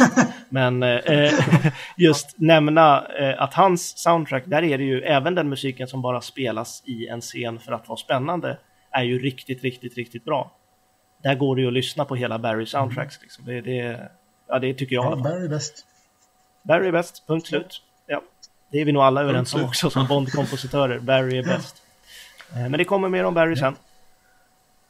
Och eh, just filmerna, alltså vi kan väl dra en liten sammanfattning om filmen om ni inte har något mer att tillägga. Jag har ett Just par grejer till jag skulle Ja, vilja kommer till, vi diskutera. Kör på. Vi har mycket jag, jag tycker inte vi har eh, snackat speciellt mycket om rollbesättningen i, i filmen. Nej, det är sant. Eh, och lite- jag, jag vet inte, jag, jag är lite halvkritisk till ett par av rollerna. Oj, shit. Eh, Säg. Ja, bland annat eh, Coral är ingen bra skådespelare. Vad jag älskar är- Quirrell. Tycker du inte det? Ja, jag tycker Nej, Quirrell är bra jag, jag, tycker, jag jag tycker att han är, han är alldeles för medveten om att han skådespelar, så det blir inte naturligt. Okej. Ja, Jag förstår din förundran, men, eh, eller jag förstår din frågeställning, men jag håller inte med. Jag tycker Eh, det passar jag, in jag i tycker det. bara att han, ja, han, han, han passar in i rollen, men han är för medveten om att han skådespelar, så det blir inte bra. Okej. Så det är min kritik mot honom. Han, Mm. han, han blir inte Coral, han blir en person som ska skådespela. Det, det, blir, det känns onaturligt Ja, det har jag aldrig tänkt på. i flera, i flera Nej. scener. Då är det intressant att han har precis, han heter Kitzmüller, eller vad fan är, vad heter han? Kitzmiller. va? Kitzmiller. Han har precis innan han gör Dr. No, så jag tror att jag säger rätt nu. Om jag inte gör det så får ni slå mig i nästa avsnitt. Men han hade precis fått eh, utmärkelse som bästa skådis i Cannes precis när han gör Dr. No. Japp. Oj. Mm. Okej.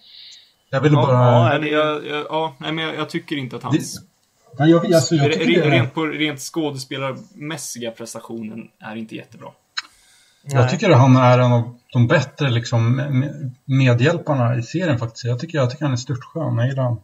Ja, jag, jag, Ja. jag gillar också karaktären Coral, tycker jag är grym.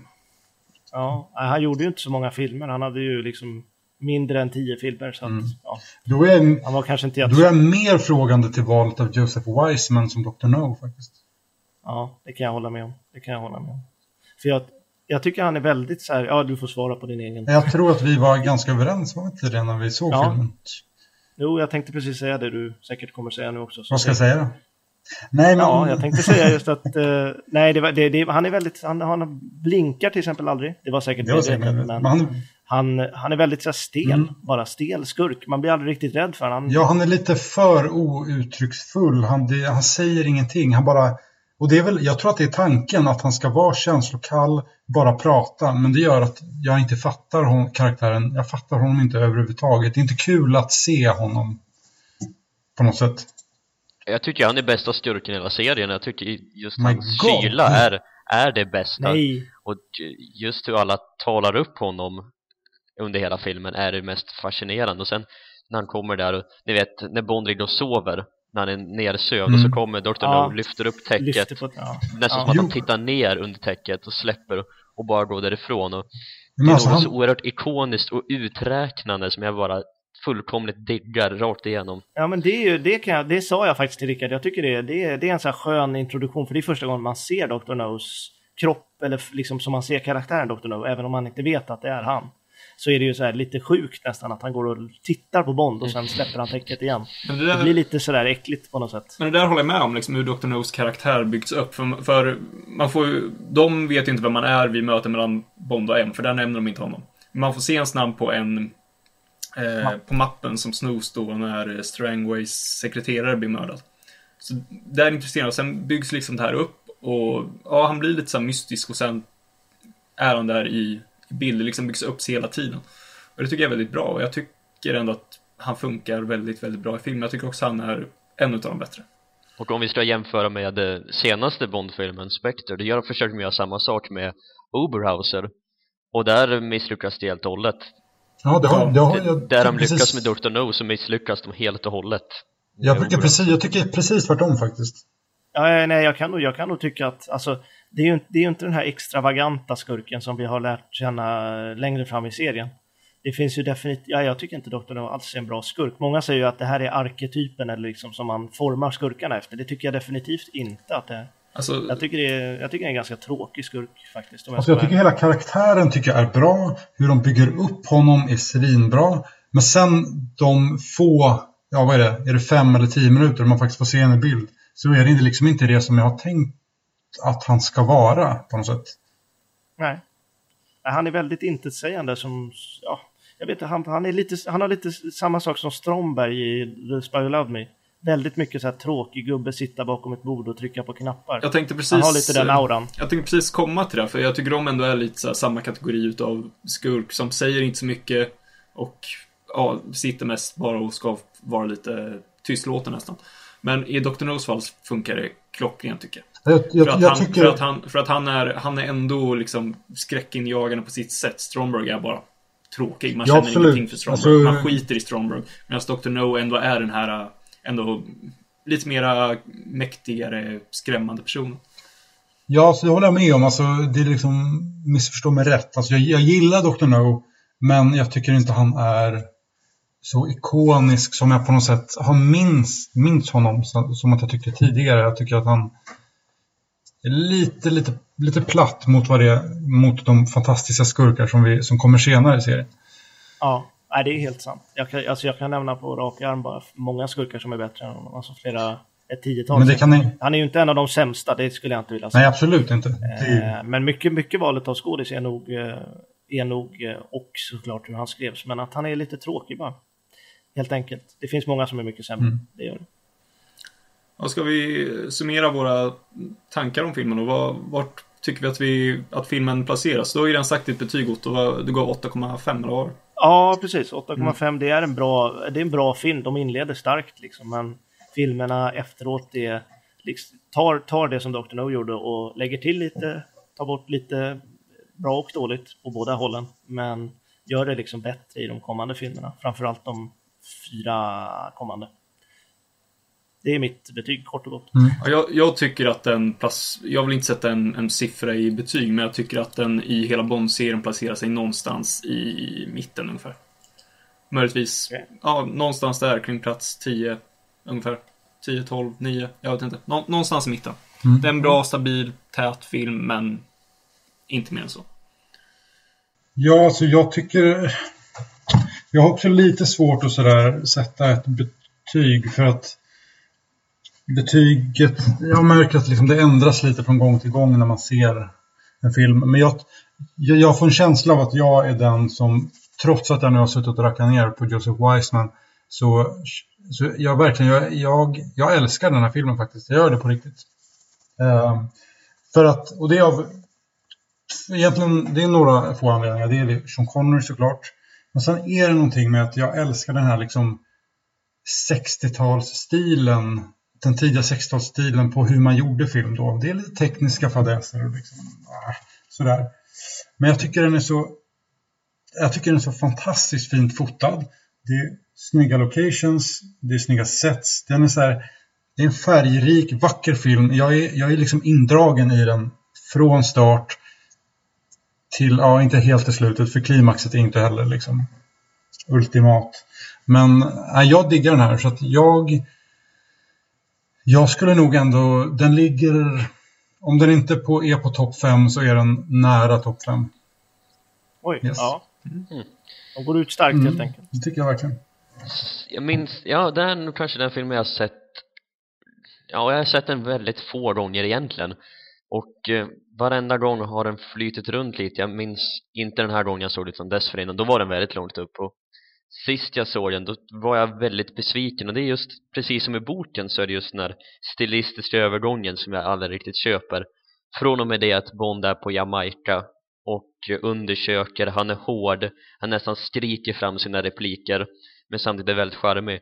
Så kommer de ut till Crab Key och det förändras, det blir eh, lite fantastiskt sådär. Och just med lågbudget just lågbudgetproduktionen de faktiskt var i så fungerar inte övergången på samma sätt som det gör i många andra filmer. Och det är just det jag inte köper och det tillsammans med musiken gör att filmen faller långt under mitten långt under mitten halvan av min Bond-ranking i alla fall. Och Oj, ja. den lyfts ju primärt av Connery och av Wiseman då.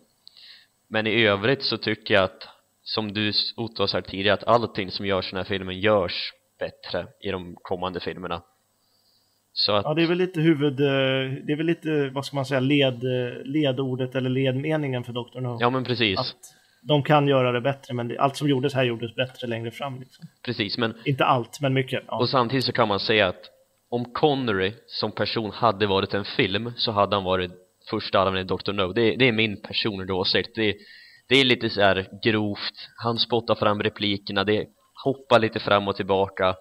Och det är allmänt brutalt helt enkelt, om ni förstår vad jag menar. ja, absolut. Så, ja, jag skulle vilja sätta den runt 14-15 någonstans där på min ja, då lista. är jag ensam om att hylla den då. Det är intressant. Ja, det är ju perfekt. För det, jag tänkte att vi kunde dra lite, eh, nu har ju Emanuel sagt det, men just säga lite ett plus och ett minus med filmen kanske. Vad som är, jag skulle ju säga Connery som mitt plus, absolut. Han eh, höjer ju filmen, han ger ju några, några extra poäng till filmen. Kan jag ju säga. Ja. Och minuset är väl musiken egentligen eftersom jag är själv intresserad av den och tycker den är kass. Ja, alltså utan Connery så hade ju filmen inte funkat, tror jag inte. Det han, han bär filmen ganska själv.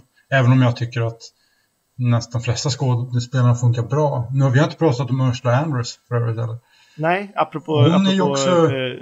Om, om man inte riktigt tycker att, att eh, Wiseman sätter liksom grunden för hur en skurk ska vara så håller nog ändå håller väl alla av oss med i alla fall att Ursula Andrews det är liksom en riktig Bond-brud från start liksom. Hon är, hon sätter mallen, eller? Ja, jag är helt med på det. Verkligen. Jag håller helt med. Alltså jag tycker där, där var det verkligen, där var det verkligen defini, definiera från början. Det var verkligen sätta standarden, det tycker jag. Ja, exakt. Hon, hon sätter eh, mallen, men lite på det som vi snackade om förut. Det finns andra bättre, tycker jag. Och det tycker jag också. Men hon är ändå är ganska bättre. högt Ja. upp på listan. Sådär. Jag tycker definitivt det finns bättre, fler bättre filmer än Dr. No än vad det finns eh, tjejer. Ja, Än Ja. Andress. Alltså fler, fler filmer som är bättre, fler filmer som har gjort sakerna bättre än fler brudar som har varit bättre. Jo, men det kan jag hålla med om. Det tycker jag. Men apropå just det du sa Emanuel, om jag får säga emot lite grann om att det känns lågbudget i själva övergången. Det tycker jag inte så mycket egentligen. Från att de kommer från eh, fastlandet till Crab Key. Jag älskar de scenerna från att de kommer till, ja, allt från att Bond vaknar upp där och har, eh, har eh, kommit till ön. Och till att draken kommer fram, eller draken. Eh, Bandvagnen, fordonet helt enkelt. Ja, jag, Allt när de är på ön, när hon snackar om att hon dödade sin, vad var det nu, någon eh, släkting? ja det var ägaren av huset. Hyresvärden tror jag. Just det, Ja. ja.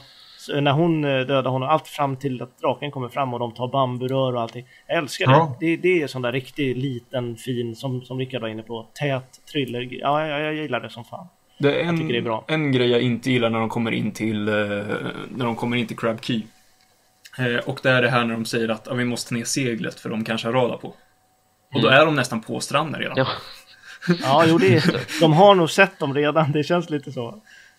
Och sen så var det ju lite när de kommer in där och får det här jävla grädden sprutat på sig eller vad det är. I eh, det här kärnvapenrummet. Det känns som att det är som, eh, vad heter det? det? Det är väldigt, ja den scenen är väldigt lång framförallt som Rickard. Det är nog den, det jag tycker är den konstigaste scenen. Nej, inte, alltså, att jag försökte faktiskt kolla upp lite av det här också. Att det är faktiskt inte helt bananas att de tvättar sig när de kommer dit. Eh, för att på kärnkraftverk så har man tvättstationer om man har fått liksom någonting radioaktivitet, radioaktivitet på sig. Men nu har de liksom vistats på ön och i vattnet så då har de troligtvis fått i sig det. Men det, det finns ändå någon liten gnutta eh, sanning i det, vilket jag faktiskt inte alls trodde. Jag, jag kollade upp Nej, det tidigare idag, jag var bara tvungen att liksom bara, vad fan, kan det stämma? Men det är inte, det är inte helt bonkers. Men det, det, men det sjuka är att den här scenen, hur lång är den? Tre minuter. Åh, vad spännande! Ska de bli rena? De tvättas, klädda sil i håret. Nu kör vi! PSA-avkasten på och så bara... Mm. Alltså det är ju, det är ju det är inte bra. Det är inte kul alls att titta på. Nej. Nej, jag håller med. Jag håller med. Nej, det känns ju som att det, det är ju, eh, vad ska man säga, de har ju liksom först, först på ön har de ju tvättat sig två gånger som vi ser med kärnvapen, Ja. eller kärnkraftsvatten typ. Kärn, eh, kärn, vad fan heter det? Radioaktivt vatten. Ja. Har de stått och gnuggat in på kroppen och allting. och sen så liksom, då, så känns det ju som att de har fått liksom, skulle, de, skulle det vara farligt så skulle de ju vara döda liksom. Det, det, Ja. Det hjälper ju inte vilken tvål de ens Ja, fast då har ju Dr. No den här dubbeldusch radioactive som är väldigt bra. Alltså. Ja, de har det. Det vore ju för sig intressant i inledningen till nästa film att Connery hamnar på något sjukhus för han har fått cancer. Ja, exakt. Det var ju det vi, det var ju det vi, vad var det vi sa? Just det, det var en grej som jag bara, en jäkligt liten grej, men när han säger, eh, när båten har gått sönder, så säger han ju I'll buy you a new one in eh, Kingston eller någonting. Och då tänkte jag att det vore kul att se en liten epilog när han går och shoppar båt med Honey Rider. Det tycker jag vore väldigt, jag tänkte på så här, det finns alltid någon rolig grej som man kan göra liksom roliga grejer av i prolog Ja. eller epilog liksom. Vi har sett filmerna så mycket nu så att vi, vi tänker inte Ja, längre på filmerna det är- utan vi tänker så här, vad Jag händer på det sen? som skulle kunna varit. Exakt. Typ vad gör eh, Roger Moore och Tanya Roberts när de har eh, duschat och jag säga. Käk, käkar de omelett igen eller vad gör de liksom? Ja, nej, det, det, Ja. det är spännande. Mitt, eh, mitt plus och minus med filmen, för att återvända till det, det är Ja. stora pluset är Connery, stora minuset som jag tycker ändå, vad ska man säga, gör att filmen landar på en liten, eh, eh, landar dåligt. Det är just den helt otroligt underväldigande slutstriden, klimaxet, klimaxet som inte funkar. Ja. Jag är helt enig. Ja, jag kan väl... Eh. Det skulle jag också kunna säga som minus, men det är bara ett. Ja, jag vet inte om jag någonsin kom till mitt minus, men pl- Connery är ju plusset och minuset är väl... Ja, alltså jag, jag, jag, jag, jag får kämpa lite och hitta något jätte, jätteminus som liksom drar ner den så mycket eftersom jag ändå placerar den så högt som jag gör. Men jag måste nog vara med där att klimaxet är inte bra. Alltså, det, det är liksom en stel Dr. No som springer runt lite och sen slåss de lite. Och sen... Ja, när han börjar springa, alltså det är så jävla sjukt. Han- ser så jävla... Han, det, det känns som att han blir någon ödla av något slag. Han sträcker Ja, men- på sig och ser ut som någon sån här Ja, Godzilla. men har han stelopererade armar? Är det tanken? Jag vet inte. Ja, men han har väl, han har väl de där, jag vet inte, han kanske ska vara någon halvrobot eller jag, jag vet faktiskt inte. Det här är någon fråga också. Ni, får, ni som känner Dr. No, har han stelopererade armar? Lyssna. Och då måste jag Alltså, faktiskt- var- Fast, eh, fast de, är väl, de är ju skadade efter eh, hans arbete med radioaktivitet. Ja, Ja, exakt, exakt. Men- Men det är ju, det, ja, jag vet inte, det blir väl en Tihi, Ja. Då Tihi-variant. måste jag bara få, jag måste få plocka fram vad jag skrev, hur Fleming beskrev Dr. No i boken. För i filmen så är Dr. No, eller i filmen, i boken. I boken så är han, han är liksom typ två meter lång. Och han har förändrat sitt utseende så att han har dragit bort allt hår. Han är jättesmal. Och han har andra linser så att de ögonen är mörka. Och sen har han liksom inte proteser utan han har stålklor som sticker ur sin... Han har en silvrig kimono på sig. Och då skriver Fleming att Dr. No ser ut som en gigantisk giftig mask insvept i folie. Och det låter som. Ian Flemings beskrivningar av karaktärer. Ja, Ja, det är ju verkligen... Han har så konstiga grejer Ja. för sig alltså. Mycket, mycket konstigt. För det är ju, eh, ja men alltså, det känns ju väldigt 60-tal med stål och klor. Det var väldigt mycket sånt överlag alltså. Det var väl en, en, en, liksom ett enkelt sätt att framställa en ond människa på något sätt. Ja, men Bondskurkarna har väl alltid haft någon liten förkärlek för metall liksom. Ja, och Golden lite, Gun och Goldfinger och, Och lite- ståltänder och lite fysiska det- defekter och sådär. Ja, Ja. men metall är ju också, det är ju kallt, rått Mm. ämne liksom. Det är inte varmt som trä liksom. Nej, det är sant. sant. Det är sant. För Bond är ja, lite är det någon som, är det någon som har eh, något mer de vill säga om, om filmen? Ja, alltså nu, då, då gör jag så här, då slänger jag in min bullshitometer. Och den, eh, poängen med det här är att jag, när jag ser de här filmerna och, och böcker, läser böckerna och jag märker, och jag börjar fundera så här, hmm, det här känns sådär, faktamässigt alltså. Då kollar jag upp det och då slänger jag in en bullshitometer. Och den här gången så tänkte jag då bara slänga in att nej, nej, Ian Fleming och producenterna och allting. Tarantellor är inte farliga. Så att den spindeln som klättrar på Bond i sovrummet kan man inte dö av. Jag vill bara klargöra det. Och då i boken så är det en tusenfoting som klättrar på Bond med stora käftar som Fleming skriver jättefarlig. Nej, den är inte farlig. Eh, så att alla som blir rädda för en Tarantella efter att se filmen kan pusta ut. Så, det var min dagens bullshitometer. Ja, rent, eh, nu kan jag jättelite om spindlar, men jag har lärt mig en tumregel om spindlar. Och det är att stora, ofarliga, små, farliga. Ja, och den är väldigt stor i filmen. Ja, exakt. Men ju större en spindel är, desto mindre är risken att den faktiskt är giftig. Ja, smart. Och tvärtom är det ju såklart i film. Ja, Ja, I, exakt. I film så är ju stora farliga och små jävligt ofarliga. yes. Ja, eh, är det någonting, någon som har någonting mer? Eller ska vi runda av? Ja, jag har inget. Jag känner mig rätt nöjd med Ja, ja. första avsnittet. Vi får väl eh, be om ursäkt om det var drog på för lång tid, men eh, Nej, Jag tror att vi jag tror att vi klarar oss rätt så bra faktiskt. vi siktade ju på två timmar och vi är på 1.45. Exakt, vi är under planerad tid. Ja, Ja, nej, jag tänkte mest folk får väl ha överseende med att det är första Ja, ja. avsnittet. Det har de. men... hoppas jag. Eh, ja, nej, men då får vi väl tacka du som faktiskt sitter och lyssnar på det här och hoppas att du lyssnar på nästa avsnitt. Ja, då är det från Russia with Love. Då är det från Russia with Love och eh, Bond som har cancer. Så, Ja, exakt. så då får vi önska er alla en fortsatt, eh, en god fortsättning. Eh, och att ni har ett jättebra 2016. Så Med hörs vi snart igen. Ha det. På återseende. Hej. Tack och hej.